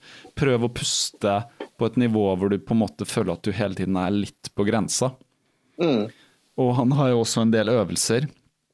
Eh, som, å holde, som å holde pusten når man går, f.eks. Mm. Eh, og, eh, og når du begynner å puste igjen, ikke sånn at man skal voldsomt puste, men bare prøv å gå rett en normal pust, og så kjenner du litt på en sånn sult en liten stund, og, så, og så korrigerer det seg. Ja, Så, og fordi du, det er viktig også på en måte følge sine For det blir den der konkurranse, det konkurranse, konkurranseaspektet. At det er viktig å ikke, ikke holde pusten til du må ha en sånn Nei, sånn ikke sant? Mhm. her eh, pust, men at du tvinger deg sjøl. Og det er en veldig god øvelse det at når, når du går, hold for nesa. mm, Og når du skal puste igjen, så flytter du pekefingeren ned, så holder du pekefingeren bare over leppene. ja. Sånn at du er bevisst på at, det, at lufta går inn gjennom nesa. Nettopp. For det er det faktisk en god del fordeler med. Eh, Ja. Å puste med nesen. Mm. Eh, som man sier, 'noses are for breathing, mouths are for eating'. Ja. uh, the, the nose, det- jeg har boka her sånn 'The nose are most important organ'. Uh, ikke bare er den vakker, men den er faktisk, den er faktisk nyttig også. Blant annet tro. nitrogenoksid, eller nitric Mm. oxide. Mm. Som har, du, har du lest litt om det? Du har vel litt ja, bevissthet ja. rundt det? Fortell litt om det. Mm. da. Ja, altså Eller vi kan ta sånn generelt, hva er fordelen med å puste eh, med nesen? Ja, altså sånn grovt sett, altså nesa har 33, jeg tror det er 33 forskjellige fysiologiske funksjoner Mm. forbundet med pust. Mhm. Munnen har null. Mm. Det, er, det, er, det er ingen fordel med å puste med munnen, det er bare negativt. Mm. Uh, mens nesa, altså den fukter lufta på veien. Mhm. filtrerer luft. Mm. Som jo også er viktig, ekstra viktig nå i disse dager, selvfølgelig. Altså, den filtrerer ut uh, partikler, virus, uh, bakterier, alt mulig. Kanskje da særlig, ja, sant? Kanskje da særlig oss middelaldrende menn som har veldig mye nesehår. Nei, det var en spøk, men ja, faktisk. Ja. Det, er, det er et filter. Nese er et Det slags er et, filter. Det er et filter. Ja. Mm. Og, den, og, og det at eh, lufta blir varma opp på vei inn, gjør at eh, måte, kroppen trenger ikke bruke energi på å varme opp lufta inni kroppen. Den er på en måte ferdig Ja. oppvarma. Ja.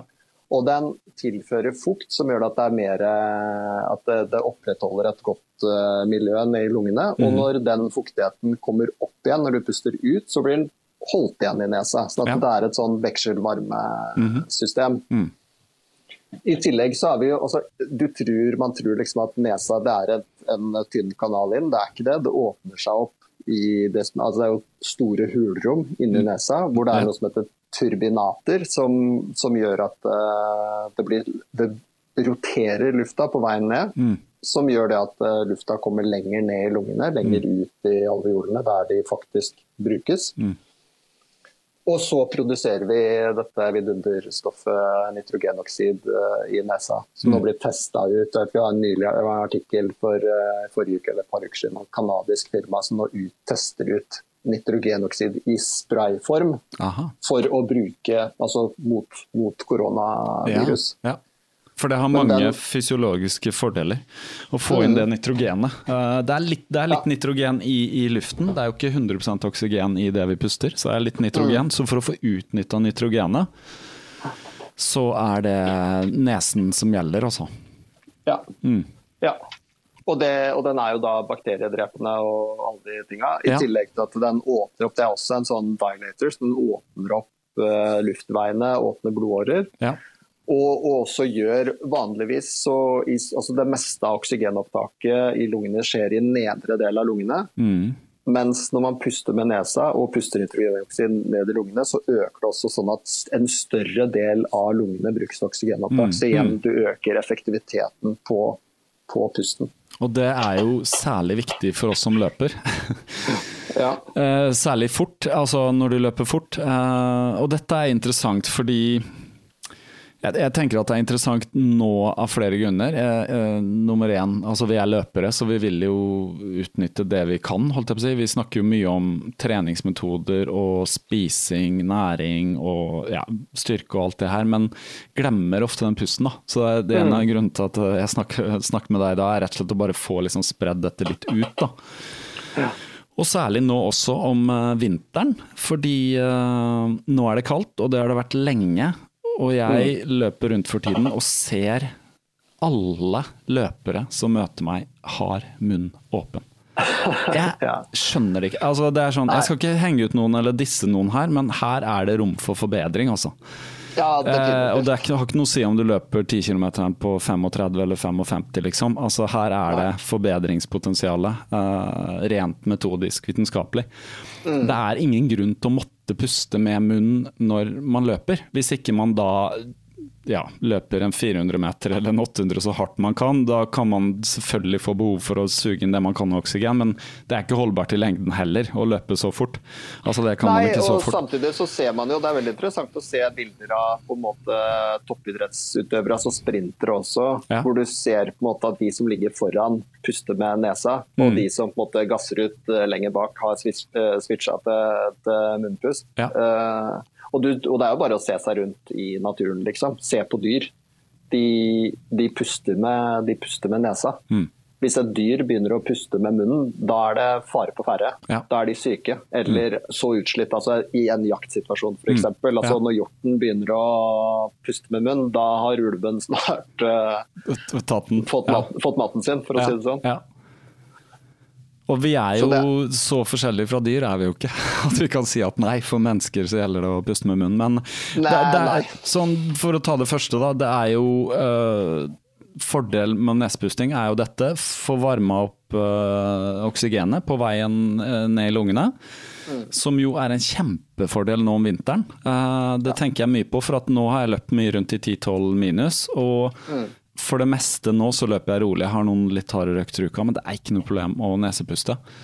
Uh, og jeg trenger ikke være 100% bevisst på det lenger heller. Altså, det er greit, munnen kan godt liksom åpne seg litt for å slippe ut litt luft og sånn, og det opplever jeg også bare for å uh, si det sånn. Altså, jeg puster inn med nesen, men noen ganger så kan det være Hvis man blir litt mer anstrengt, så må man ut gjennom munnen. Og det handler bare om Ja. å få det fort nok.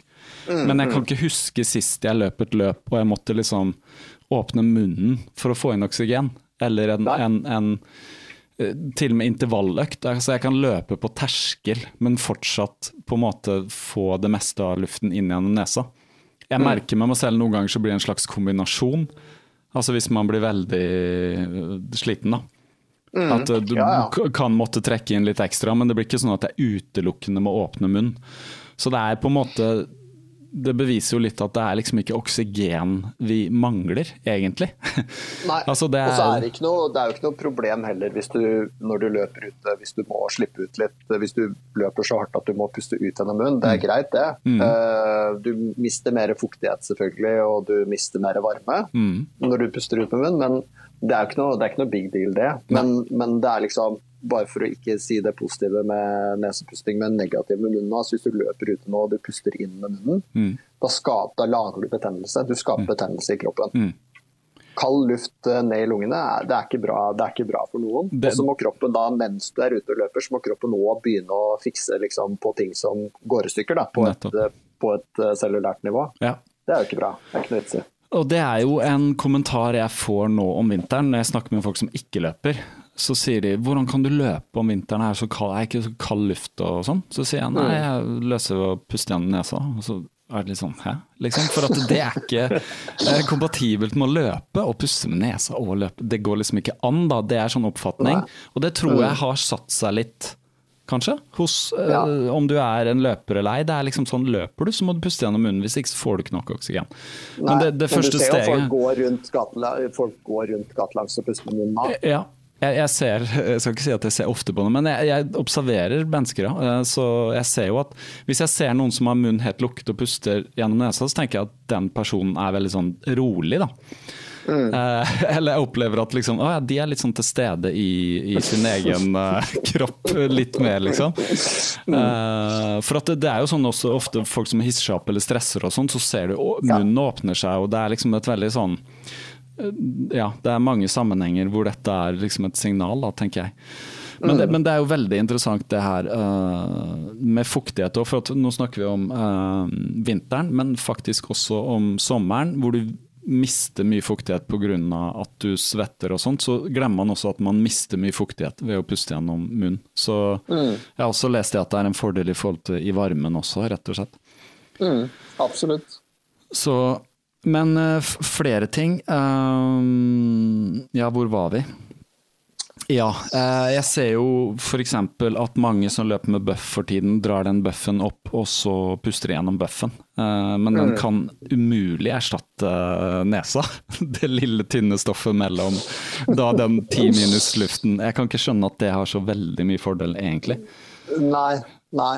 Jeg vil, nei, jeg vil jo definitivt på det groveste anbefale folk å gjøre den, gjøre den switchen isteden. Og som, som du sikkert merka sjøl, at du, i overgangsfasen så må du kanskje løpe litt saktere. Ja.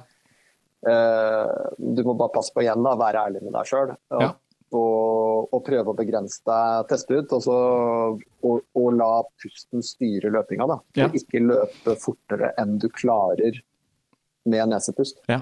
ja, vet du hva, det, det er interessant, for du snakka om sone 1 og sånn. Det er ofte min sånn sone 2 eh, ja, Sone 1-2, altså det er litt sånn glidende overgang der selvfølgelig, men det jeg oftest løper er jo en sone 1, eh, sone 2 da, i sånn grenseland der. Det er min rolige løp, og det trenger ikke jeg å se på fart eller se på pulsen eller noen ting, jeg merker det på hvordan jeg puster. Altså Hvis jeg klarer å puste gjennom nesa og kan holde munnen liksom bevissthet lukket, da vet jeg at jeg er i en rolig sone, at dette er en rolig tur. Så jo. Vi kan jo begynne der, liksom. Eller det er det jeg foreslår. Begynn der, og så kan man teste hvor går grensa ved å øke farten på intervalldrag og sånn. Jeg hadde noen sånn bakkedrag her eh, i helgen, og da pusta jeg med nesa så godt jeg kunne, og når draget var over, det var sånn 30 sekunder drag, men det er ganske hardt, for du løper opp.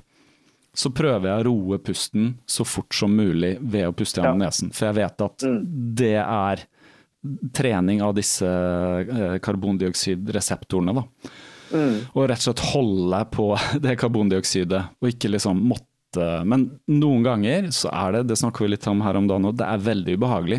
Du får en sånn kvelnings... ja. Ja. Ofte etter intervalltrening, så etter draget er over, om det er kort og fort eller litt lenger og sånn, så er det den derre følelsen av å som jeg ikke kjenner når jeg løper, men jeg stopper, at det, det, det er nesten en sånn kvelningsfornemmelse. Åh, jeg får ikke nok luft, men det er jo ikke det. Det er bare så mye karbondioksid som er samla at den er veldig sterk, den, eh, det behovet da, for å bli kvitt Ja. Ja. Mm. Og noen ganger Patrick sier jo det altså, eh, for altså, toppidrettsutøvere. Altså, hvis du spiller en fotballkamp f.eks. Mm. hvor du gir bånn gass, altså, så sier han nå da, da må du bare slippe det. Altså, ok, Må du puste med munnen, ok, da må du gjøre det. Ja. Men da er det veldig bra å være bevisst på at med en gang du ikke er i spurt lenger, at, Ja. du, at du henter deg inn med Mm. nesa Mm. med en gang du er ferdig. Mm. Og at du ikke på en måte glemmer det. Altså, ok, jeg måtte spurte litt, så da blir det nese, nei, munnpusting herfra og ut, liksom. Ja. Det, det vi litt et bevis, da. Jeg vet ikke um, hvor mye vi skal komme inn på det, men vi kan rett og slett ta det. For det, du, du sendte meg noe uh, litt tekst her, og så var det en link eh, som var til eh, Det var vel Norsk helseinstitutt? Uh, Er det det det heter? NHI?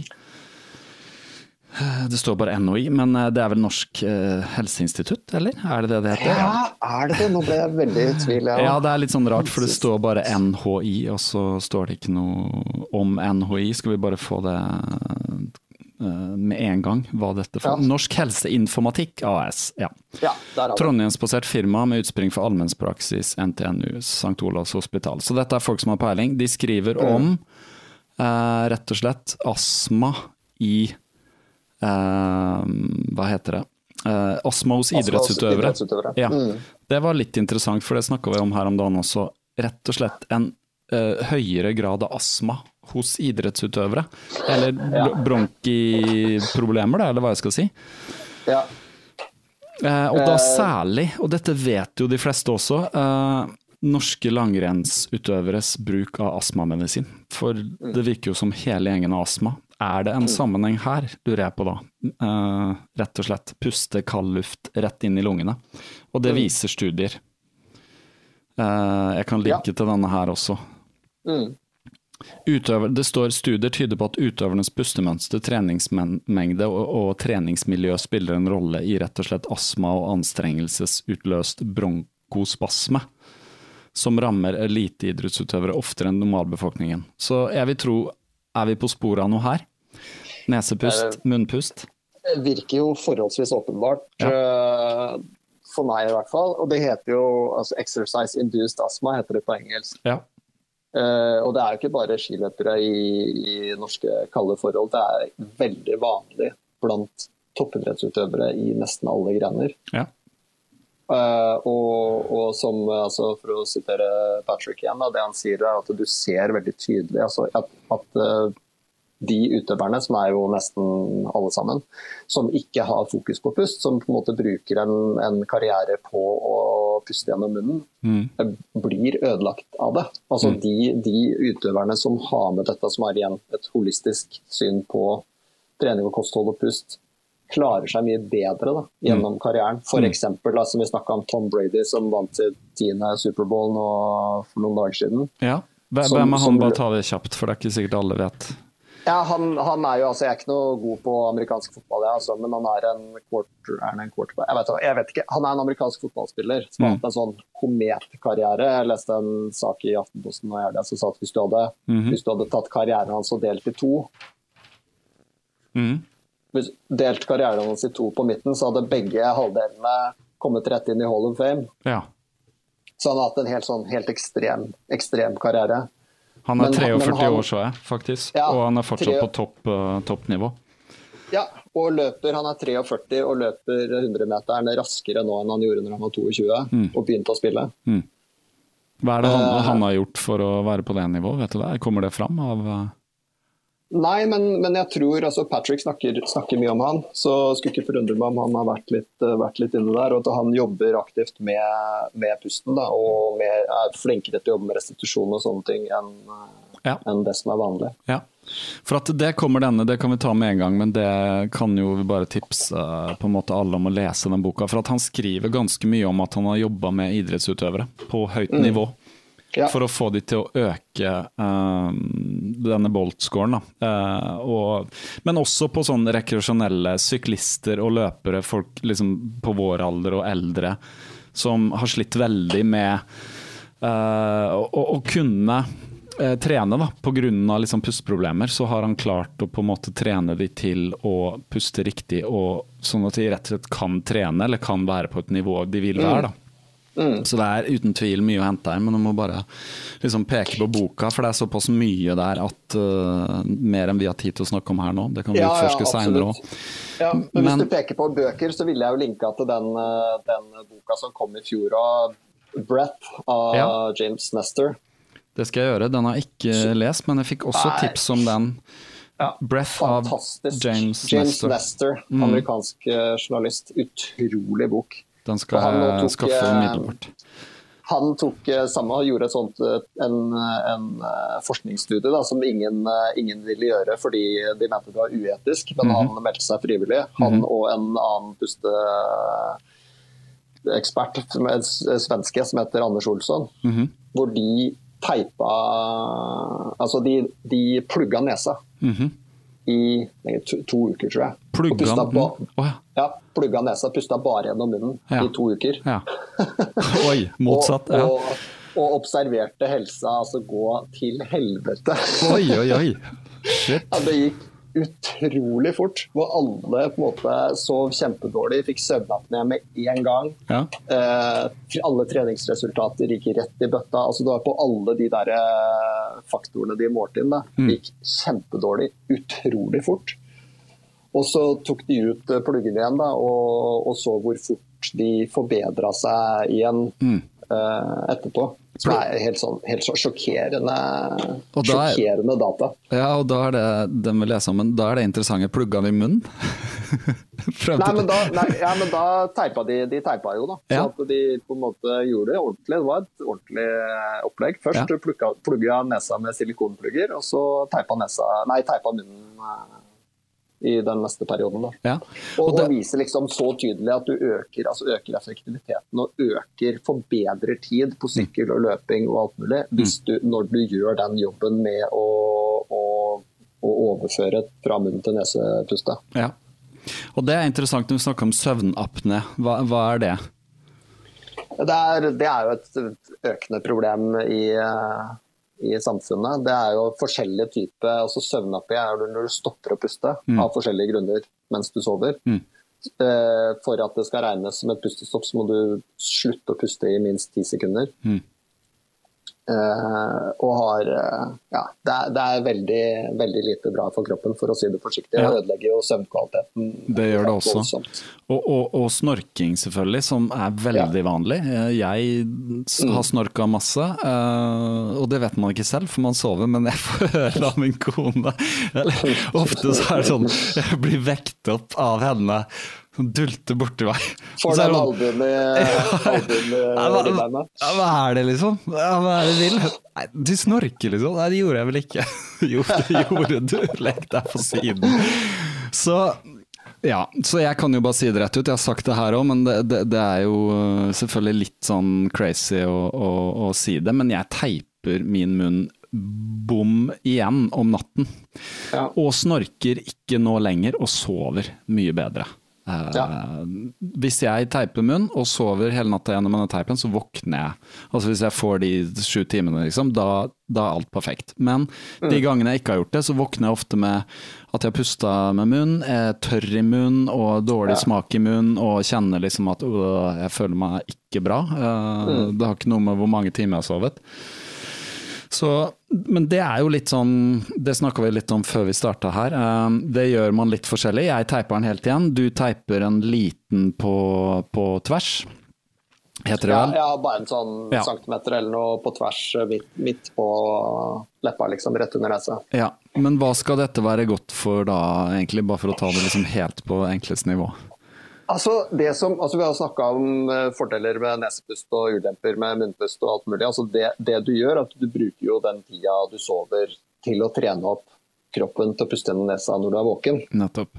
Eh, sønnen min, etter at jeg leste den uh, Oxygen Vantage, så dro jeg jo rett på apoteket og kjøpte en eh, rull med teip og Mm. for, forklarte sønnen min at nå skal du og pappa kjøre et lite eksperiment her. Mhm. For han var, eh, hvor gammel er han? 12 Ja, han var vel ni, tenker jeg. Mhm. Og pusta med, pusta med munn mye, så jeg gjennom dagen. Mm. og sov, altså Han sov forholdsvis godt om natta. Aldri han, eller sjelden at han ikke fikk sove, men han så ut som et vrak når han kommer ned til frokost om morgenen. Mm. Så det var mye som tyda på at han ikke sov godt. da. Mm. Han var ikke ordentlig uthvilt. -hmm. Og jeg så at han pusta gjennom munnen hele tida gjennom dagen. Mm. Så da vi, begynte vi å teipe opp. Nå gjør han det sjøl. Mm. så han setter på en liten bit, samme som meg, midt på leppa når han går og legger seg. Mhm. Sover mye bedre. Han er uthvilt om morgenen. Nå kommer han ofte ned før vi, vi står opp, eller når vi står opp om morgenen, så er han nede på kjøkkenet fullt påkledd og klar for dagen allerede. Mm. Og, og når jeg snakker med han om det altså Jeg, jeg tenkte at det kommer sikkert til å bli en tilvenningsprosess, og kanskje det er litt skummelt og føler at han ikke får puste. Det var ikke noe problem for han i det hele tatt. Nei. Og det han sier nå, det er det at når han gjennom dagen, hvis han tar et pust nå gjennom munnen, Mhm. så legger han merke til det. Ja. Så tenker jeg oi, det var rart. Og, jeg Ja. også lukker han munnen og, og Ja. fortsetter med det han holder på med. Ja. Så du trener på en, uten at du trenger å måte, være bevisst og legge liksom, og konsentrere deg, alarm på klokka, og nå må jeg passe på at jeg puster gjennom, puster gjennom nesa, så trener du deg gjennom natta Mm. uten at du trenger å tenke på det i det hele tatt. Og rett og slett det at man sover bedre også, fordi Mm. man ja, slipper den her snorkingen. Og jeg opplever at i begynnelsen var det litt rart, uh, og jeg kunne våkne ut på natta og være sånn Hva faen? Og så bare rive den av, liksom. Og så skjer det noe som prøver å liksom, Fordi det er uh, uvant, da. Men nå er det ikke noe problem lenger. Og øh, jeg, jeg hører jo andre snakke om det. Jeg ser altså, ting du vet på Instagram, og det er liksom Dette er blitt en litt sånn ting, da. Eh, og jeg tror ikke det er en ting som bare er en sånn Å ja, det, det er en trend nå, så slutter man med det. Uh, jeg, jeg tror at det er en sånn Det er en ting jeg gjør om kvelden. Ja, det er som vi, Eh. som vi snakker om. Altså, du, kan, du kan synes at det høres kjemperart ut, men når du prøver en gang, eller ja, hvis, du, hvis du er heldig, da, prøver en gang og merker at oi, det er lenge siden jeg har sovet så godt, Mm. da er det på en måte ja ja. Ja. Det koster Ja. da, 30 kroner for en sånn rull med teip som varer i tre måneder. Så det er akkurat noe Altså, det er veldig lett, da. Det er veldig lett. Og det er, det er litt sånn tilvenningssak òg. Ja.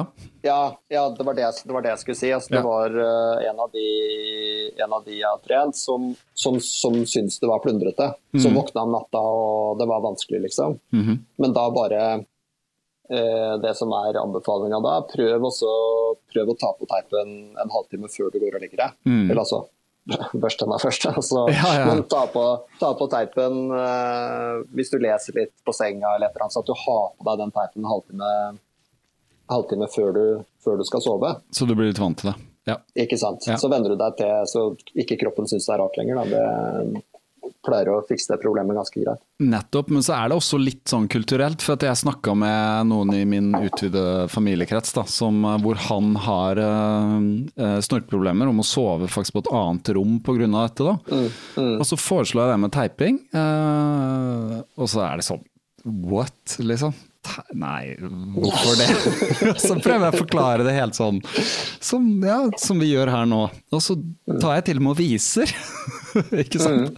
Og da blir det en sånn derre Nei, dette er for weird, liksom. Så man eh, Men det er jo bare en sånn eh, ja, jeg kaller det en kulturell ting, da. Fordi at det er så uvanlig og uvant, så, så våger vi ikke helt å gjøre det. For at vi er redd for at noen skal le av oss og henge oss ut. Og hvis du hadde kommet på jobben mandag morgen og sagt ja, faen, jeg teipa munnen og dødsbra og sånn, og så sier jo folk så står liksom fem av gutta rundt kaffemaskinen og er sånn Nei, faen, feiler? Er du helt gæren, eller liksom hva er det du har lest nå, eller hva er det du har tatt, eller et eller annet sånt. Det er veldig sånn, da, tenker jeg.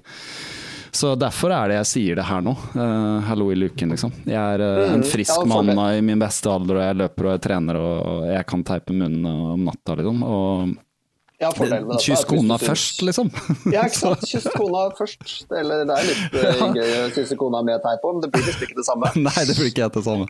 Men det er jo ingen av de gutta ved kaffemaskina som veit at du gjør det. Nei. Så hvis du syns det er litt rart, så ja, men Hold kjeft om det. Først, da. Ja, Og så ja. trenger du ikke, du trenger ikke liksom være trailblazer på kontoret hvis du ikke har lyst. Nei, det, det er helt sant. Så, så for de som Så kan man liksom ta på seg en sånn løsbart og noen briller, og så gå ned på apoteket og kjøpe den teipen og håpe at ingen ser det.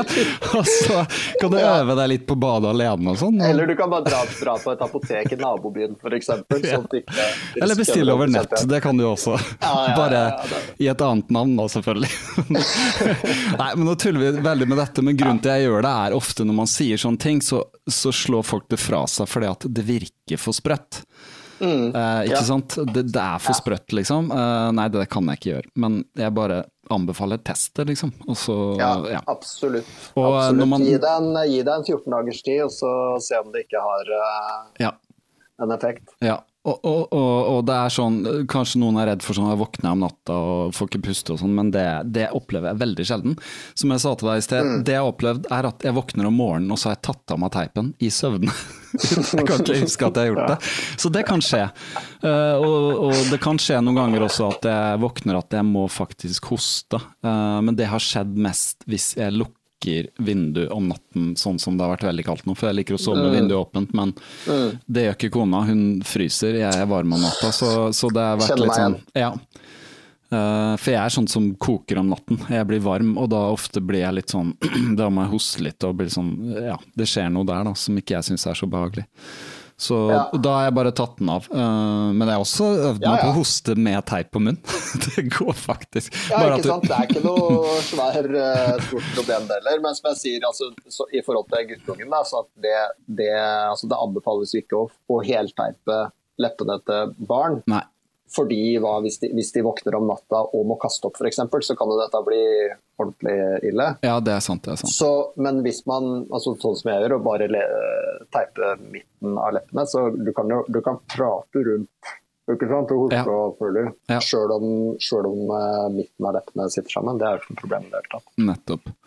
Så, men eh, det som vi kan avslutte med, for jeg vet at nå må du gå om en times tid, men eh, du, du Altså Grunnen til at jeg fant deg, var jo at jeg gikk på siden som heter oxygenadvantage.com, og så eh, er det masse informasjon der, eh, den kan jeg linke til. Og så er det sånn instructors, og så er det en haug med folk i hele verden. Og så var jeg litt sånn ah, Norge og sånn. Dukka det opp tre stykk, eh, og du var blant de. Så fortell litt om praksisen, da. Hvis du kan si noe om det.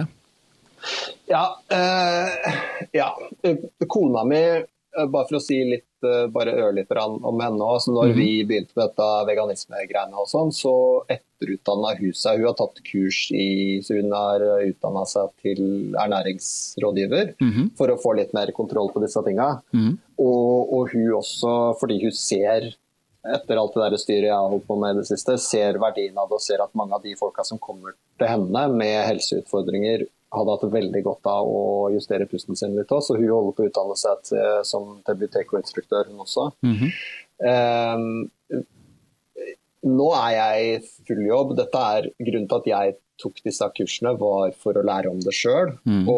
Men jeg ser jo det at det, med så mye helse, helseutfordringer som kan fikses så utrolig enkelt, så tenker jeg at dette er noe som må ut, må ut til folk. Eh, men, men foreløpig så er dette et eh, sånt hjerteprosjekt, et eh, hobbyprosjekt for meg, liksom. Jeg har, jeg har ikke noe klinikk Nei. sånn sett. Nei.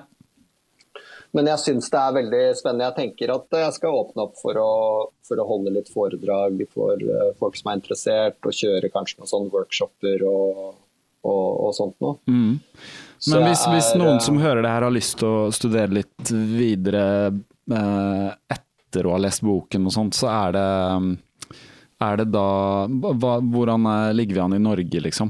Må vi kan vi, kan vi finne noe her i Norge, eller er det ut av landet? Eller, nå er det jo mye, mye som skjer på nett, da. Virtual, Ja. rett og slett. Ja. eh, Patrick har jo, har jo sånne workshoper eh, på nett. Og du har tatt, tatt de, eller? Har du, har du tatt noen sånne workshoper med han på nett? Ja, ja. Det er jo Ja. han sjøl. Det er jo fordelen da, med at det er såpass lite eh, ennå, sjøl om det Mm. er mange instruktører rundt om. Så, men både i Buteyko og Oxford Advantage så er det jo det er Patrick som holder i kursa. Ja. Så, så han gjør uh, veldig mye av den tunge løftinga sjøl. Mhm. Så Så det er masse informasjon der ute. Ja. Så du har hatt uh, kurs med han da, over nett, eller? Ja, Ja. for det var jo dette Jeg begynte å dykke i dette ordentlig i 2020, ja, 2019-2020. -hmm. Så det har ikke vært så mye reising. Det har ikke vært så mye reising etter det. Si Nei, det det, sånn. det har det jo ikke. Absolutt ikke. Men, eh, men det er eh, rett og slett et sted å begynne, er jo boka. Og så eh, er det den nettsiden. og det er litt sånn Jeg ser det er noen klasser som på en måte antagelig ikke er én-til-én Zoom, men altså rett og slett er videoer hvor du kan hvor du ja, eh, lærer deg Ja. disse tingene. da. Ja. Og så er det veldig altså Nå får vi jo håpe at uh, ting begynner å åpne seg opp igjen, sånn at det går an å, det går an å treffes og, Ja, og og finne på ting igjen ute i verden. For mm. det er litt sånn, jeg opplever nok det at det, du får, altså Zoom og Teams og alle disse, de, de redda oss jo i 2020, helt klart. Mm. Men, det, men det er ikke det samme, det ikke det samme heller. Nei. Sånn at det å kunne så sette sammen en gjeng og samles en lørdag, eller ta en sånn helge, helgesamling og, så, og utforske de tinga litt, eh, ansikt til ansikt, da, Mm. Ja, tror jeg er, det er tror jeg er, er eh, forhåpentligvis ikke så lenge til man kan begynne med sånne ting. Nei, det, det kunne faktisk vært veldig interessant å få til. Det kan vi jo ha som en ting sånn litt inn i fremtiden, da. Ja, definitivt. Vi holder på å bygge noen hjemmesider og, Mm. og få det litt ut på norsk også. For jeg, ja, trening er én ting, men de helseaspektene er eh, ja, folk, burde, folk burde vite om dette. Det Ja. burde være en ting som eh, folk bruker litt av sin mentale båndbredde på. Ja, og så vidt jeg forstår, eller så vidt jeg skjønner på meg selv også, så er, handler jo dette også om mentale helsefordeler. Ja, det å kunne helt- helt puste klart. rolig. Altså rett og slett fordi at vi lever i en kultur i dag som er veldig stressende på mange måter. Mm. Eh, ikke nødvendigvis fordi at det er enkeltting som er stressende, men det er liksom summen av eh, et moderne liv er ganske stressende. Mm. Uh, og det har vi glemt litt, på en måte. Fordi vi er hele Altså, bare det der med inntrykk og hvordan vi hele tiden må forholde oss til inntrykk, da. Uh, Mm. Og selv når vi ikke må forholde oss til inntrykk, så velger vi å forholde oss til inntrykk. Fordi at vi ser på telefonen, liksom. Å ja, nå har jeg ikke noe inntrykk her. Skal vi se. Ja, der ja. Telefonen. Ja. Eh, Jeg sletta, sletta Facebook fra telefonen min når jeg tok meg sjøl i å sjekke Facebook når jeg sto på rødt lys, liksom. ja, ikke sant. Fordi, og nå har jeg 15 sekunder med fritid, ja. så da flipper jeg opp telefonen. Da er sånn OK, nå, nå er det nok. Nå er det greit. Ja. Jeg prøver å være, det skal jeg snakke litt om seinere, men jeg, leste nettopp boka til han Bjørn Gabrielsen som heter 'Skjermslaver'. Bare for å Ja, yep. rett og slett gi meg et lite klaps på kinnet. Eh, Bjørn Gabrielsen er en bra mann. Han er en veldig klok fyr. Så, så Og, kan, og, Mm. og sånn, men sånn når det gjelder det der med stress og alt mulig sånt, nå, det, må jeg, det må jeg bare si, for det er jo sånn her, som folk kan teste ut sjøl. Altså, vi har jo lært opp til når Mm. man er stressa, ta, ta, ta pust dypt, liksom. Ja, og det folk nå. gjør da, at Ja. Mm. du puster, puster inn, og hvis du prøver det sjøl, hvor er det du puster? Du puster i brystet. altså Du setter Mm. brystkassa, går opp på skuldrene og alt mulig. Helt feil. Mm. Hvis, du, hvis du prøver når du føler at du blir stressa, hvis du trenger å på en måte få et, uh, få et sånt ankerpunkt i virkeligheten, da. mm, prøv å puste ut isteden. Mm. Pust vanlig inn, og så Og så bare dra et sånt langt, rolig utpust. Mm. Og et par sånne. Mm. Da fortell, du forteller kroppen din at dette går bra. Mm. Det ordner seg. Mm, Og så drar du, så drar du hjernen eh, med deg ned. mm, Og puste deg ned. Så prøv å ikke, ikke puste deg opp når du er stressa allerede, men pust ut isteden. mm. Dette er jo helt sånn grunnleggende fysiologiske ting, for at stress Ja. eh, for et menneske eller et dyr er, var jo ofte forbundet med en fare, en ytre fare. Og så, shit, ja, som vi sa, der kommer bjørnen, eller eh, oi, nå holdt jeg på å skli utfor et stup, eller eh, ja, ikke sant. Eh, Der kommer tsunamien eller et eller annet, så jeg må løpe eller noe sånt. Så, så nå i dag så er jo det sånn, stress kan jo være å faen, liksom, jeg har ikke gjort det, og jobbstresset eller eh, et eller annet, eh, ikke sant. Så det er jo ofte bare bevisst hvordan puster man da. Jeg merker jo det, at nettopp det du sier der, å bare ok, ankre seg litt, liksom. Få Ja. fokus tilbake på pusten. Bare puste litt, og så kan man si til seg selv at oh, slapp av, liksom. Dette, det er ikke noe fare umiddelbart. Det, det er Nei, i, i det fremtiden, ikke- altså det ligger et, et annet sted, da. Det er ikke nå. Nei, det er ikke nå. her, Det er ikke her og nå. Så, så det er helt klart også. Men Ikke la seg marinere i stresshormoner hele tida, men prøve å være litt bevisst på det. Så Ja. forteller kroppen, gi seg sjøl en liten klem og puste ut og bare tenke at dette, det går bra, det går det, fint. det gjør det. Uh, nå vet jeg at du skal gå snart, for du har en uh, avtale. Men uh, jeg tror vi har jo Vi har jo vært gjennom mye ting som du har skrevet. Er det noe annet som vi burde si sånn før, uh, før vi avslutter? Ja, litt sånn ja. sitting, skriver du. Stillesitting, det er jo en ting, selvfølgelig. Men det, de som hører på denne podkasten er jo veldig aktive Ja, det er kanskje mennesker. ikke det største problemet der. Det, det jeg vil si, da, som jeg er, veld, som jeg er veldig opptatt av, Mm. eh, det er altså hvis du har barn hjemme, Mm. s- følg med på dem litt. Ta altså, følg med litt ekstra. Mm. Hvis små barn puster med munn, eller snorker om natta, Mm. eller altså, hvis, du, hvis du ser at ungen din eh, pust, puster med munn, Mm. Så gjør noe med det. Mm. Send, eh, send gjerne en eh, melding til meg, eller begynn å lese noen bøker, eller sånt, for, det, for det er ikke bra, og det har store negative konsekvenser. Ja, det har vi ikke vært inne på engang, men faktisk, eh, faktisk utvikling av kraniet eh, er Ja. helt forbundet med pusting som barn. Da. Og det, det forteller jo, Ja. og sånn sett kan vi bare peke til han Patrick, for han forteller om det, og han forteller om at han har en på en måte en Altså hele, hele det neserommet som du snakker om og sånn, Ja. får ikke utvikle seg som barn hvis ikke man puster gjennom nesen, og man får en helt annen nese og en helt annen eh, og som, Ja, som og tenna, Ja. tenna får ikke plass lenger, vi må trekke visdomsjekslene. Riktig. Fordi alt er trangt og, og vanskelig. Da. Mm. Og, og det James Nestor skriver masse om det i Breath òg. Altså, hvis Mm. du går tilbake i på en måte, Hvis du leiter tilbake og se på kranier Mm. eh, bakover i tid Altså Fra 400 år tilbake så hadde alle rette tenner. Mm. Du, det, det, du finner ikke skeive tenner hos folk tilbake i tid. Mm. Og så blir det helt ekstremt etter eh, industrielle revolusjonen og Ja. siste 150-200 åra. Mm. Så spiser vi, vi spiser bare myk mat, Mm. og ja, da går alt uh, sideveis, liksom. Ja. Men, men hvis, barnet, hvis du har et barn som puster med munnen, så begynn å lese. Fordi Mm. det bør de slutte med. Ja, faktisk. Det har eh, mye å si. Faktisk for den mentale utviklinga. Det er ganske mye ting Mm. der.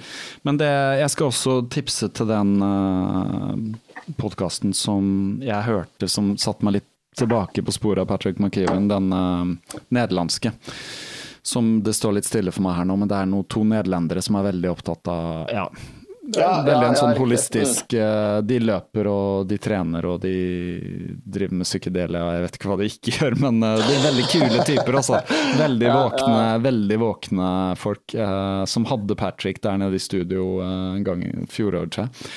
Så, så den podkasten den drev jeg og maste litt om på Strava og sånn, og lagde en sånn post på det. Så for at, hør, Jeg hadde jo lyst til å intervjue han i utgangspunktet, men jeg visste at det ville jo ta meg sikkert ganske lang tid å få tak i han, og han har vært på såpass mange podkaster at eh, jeg kan bare liksom tipse om de. Men det skal jeg linke til også. Ja, hyggelig for meg at jeg fikk eh, heise flagget Ja, det, sammen med deg, da. det var jo, som vi ofte sier da, litt tilfeldig, men så finnes det jo ingen tilfeldigheter, da. Så Ikke sant? Ikke Så det var en grunn, men, men veldig gøy. Jeg, jeg sier litt som uh, sier til alle, når korona er over og sånt, så burde vi sette oss ned en dag og så kan vi prate litt videre om ting, for det er jo mye rundt det her. Så ja, det var kjempehyggelig. men nå ble vi jo så vidt kjent med deg, og så Mm. ja, bare sier jeg takk til deg også. Det var veldig gøy, dette her. Um, du får ha en god dag videre, og lykke til med løpingen og sånn. Uh, Ja, deltar du på kjempefint. noe løp innimellom, forresten, eller? Er det sånn? Står Vet du hva, jeg har en Jeg har ikke gjort det, har ikke gjort det fram til nå. Nei. Men jeg har en litt sånn hemmelig plan om så Ja, for du sa at du holdt på med et program og sånt, så Mm. Det, det kan vi jo snakke litt om også. Jeg kunne jo fortalt, jeg har jo mye på en måte der. Uh, Ja, ja, ikke, sant? Ja. ikke sant? Jeg må stable på beina en podkast, så du kan forklare meg om de Ja. tingene. Ikke sant? Eller, ja, det er et godt tips. Men uh, ellers så er det jo hele back-katalogen her til Kaptare, da, så du får bare høre Ja. på. uh, Vi har jo Ja, snakka ja, mye jo- om trening Har begynt å ta tak. Ja, det, det er gøy, det. Så det har vært gøy å sette deg løpe en maraton ved Nesbust og sånt. Så Ikke sant? Ja, jeg må jo si at jeg, jeg eh, opplever sånn rent personlig at det er en fordel at jeg er bevisst på pusten på slutten av lange løp, maraton og sånn. eh, Jeg opplever på en måte at det er en kjempefordel. Da. At jeg føler jeg har veldig kontroll på det her med Uh, På en måte hvor sliten jeg blir da, gjennom pusten. Ja, ikke sant. Det gir jo mening, det. Det gjør det. Så ja. Nei, men tusen takk igjen, Thomas. Takk for meg. Tusen takk for meg. Så håper jeg vi, håper jeg vi treffes igjen. Ja, det, det håper jeg også, at vi treffes fysisk, men det må vi bare få til. Det er ikke så Ja. langt fra Oslo til Åsgårdstrand. Nei, det er kort kjøretur. Det er kort kjøretur. Løpetur, kanskje. Ja, ja, ikke sant. Da må, du, da må du komme til meg, tror jeg. Ja, jeg tror det. Ja. Nei, men kult, Thomas. Takk skal du ha. Kjempefint. Yep. Ha det. Ha det. Ha det godt. Hei. Det var Thomas. Nå er jeg litt sånn spent på hva dere syns om dette. Eh, Det er liksom eh, veldig vanskelig å si eh, om man er eh, overbevist eller skeptisk eller ikke, men eh, jeg vil tro at eh, de fleste som har eh, interesse av dette, har nå fått en god del tips eh, om ressurser til å lese litt videre, og jeg anbefaler da sterkt altså boka til James Nestor, 'Breath', og også 'Oxygen Advantage' av Patrick McKeown. Uh, som også kom med en ny bok nå, så jeg tror at dette er noe vi uh, kommer til å høre om uh, mer framover. Og så skal jeg gjøre det lille jeg kan for å se om jeg kan forber forbedre min, min egen pust ved å puste mindre. Jeg har så smått begynt med det, og som med alle ting så er det jo et lite ubehag i det å bli bedre. Så det spørs om man har lyst eller ei, det er jo opp til hver og en. Så bare avslutte med å si tusen takk til alle lyttere, de som deler podkasten i sosiale medier og sånn, det er jo viktig. Uh, det kommer stadig nye lyttere til som oppdager denne gjennom uh, Jungeltelegrafen og sosiale medier og sånn. Nå er det jo en skog av podkaster her ute, det er så mye podkaster at eh, jeg vet ikke hvor jeg skal snu meg. Det er veldig mange jeg har lyst, lyst til å lytte til også. Så takk til dere som lytter. Tusen takk til alle Patrion som støtter podkasten. Det er en del utgifter forbundet med å lage podkast, i tillegg til den tiden man bruker, og jeg skulle gjerne brukt mer tid på det. Mm, det kan gjøres mulig ved at flere av dere støtter podkasten på Patrion med et lite beløp hver måned. Det setter jeg enorm pris på. Dere er eh, sanne, sanne fans av podkasten, så tusen takk igjen.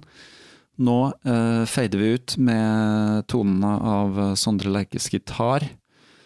Han uh, var nylig innom meg uh, og slo av en prat. Uh, han løper jo fortsatt. han har litt sånn hatt litt motivasjonsproblemer i, i kulden, som det ble nevnt her tidligere. Så det, det, tror jeg det er flere som har hatt. men nå er det jo ikke så veldig lenge til kanskje vi kjenner litt på vår igjen. og så krysser vi fingrene for at ting går tilbake til normalen. Jeg vet det er mange som savner det, jeg savner det. Um, jeg tror og håper at det skjer jo før jo heller.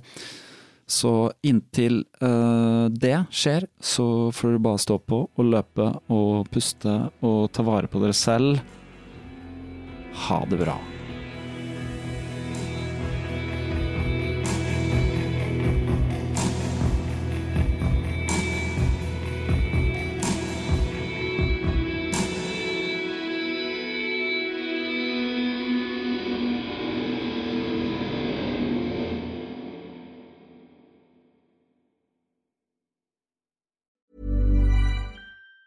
Even on a budget, quality is non-negotiable. That's why Quince is the place to score high-end essentials at 50 to 80% less than similar brands. Get your hands on buttery soft cashmere sweaters from just 60 bucks, Italian leather jackets, and so much more.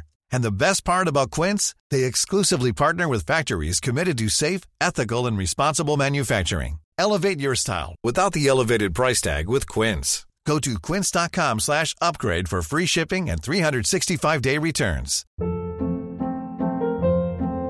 Hold up. What was that? Boring. No flavor. That was as bad as those leftovers you ate all week. Kiki Palmer here, and it's time to say hello to something fresh and guilt-free. Hello Fresh. Jazz up dinner with pecan-crusted chicken or garlic butter shrimp scampi. Now that's music to my mouth. Hello Fresh. Let's get this dinner party started. Discover all the delicious possibilities at hellofresh.com. Planning for your next trip? Elevate your travel style with Quince. Quince has all the jet setting essentials you'll want for your next getaway, like European linen, premium luggage options, buttery soft Italian leather bags, and so much more. And is all priced at 50 to 80% less than similar brands. Plus, Quince only works with factories that use safe and ethical manufacturing practices. Pack your bags with high-quality essentials you'll be wearing for vacations to come with Quince. Go to quince.com slash pack for free shipping and 365-day returns.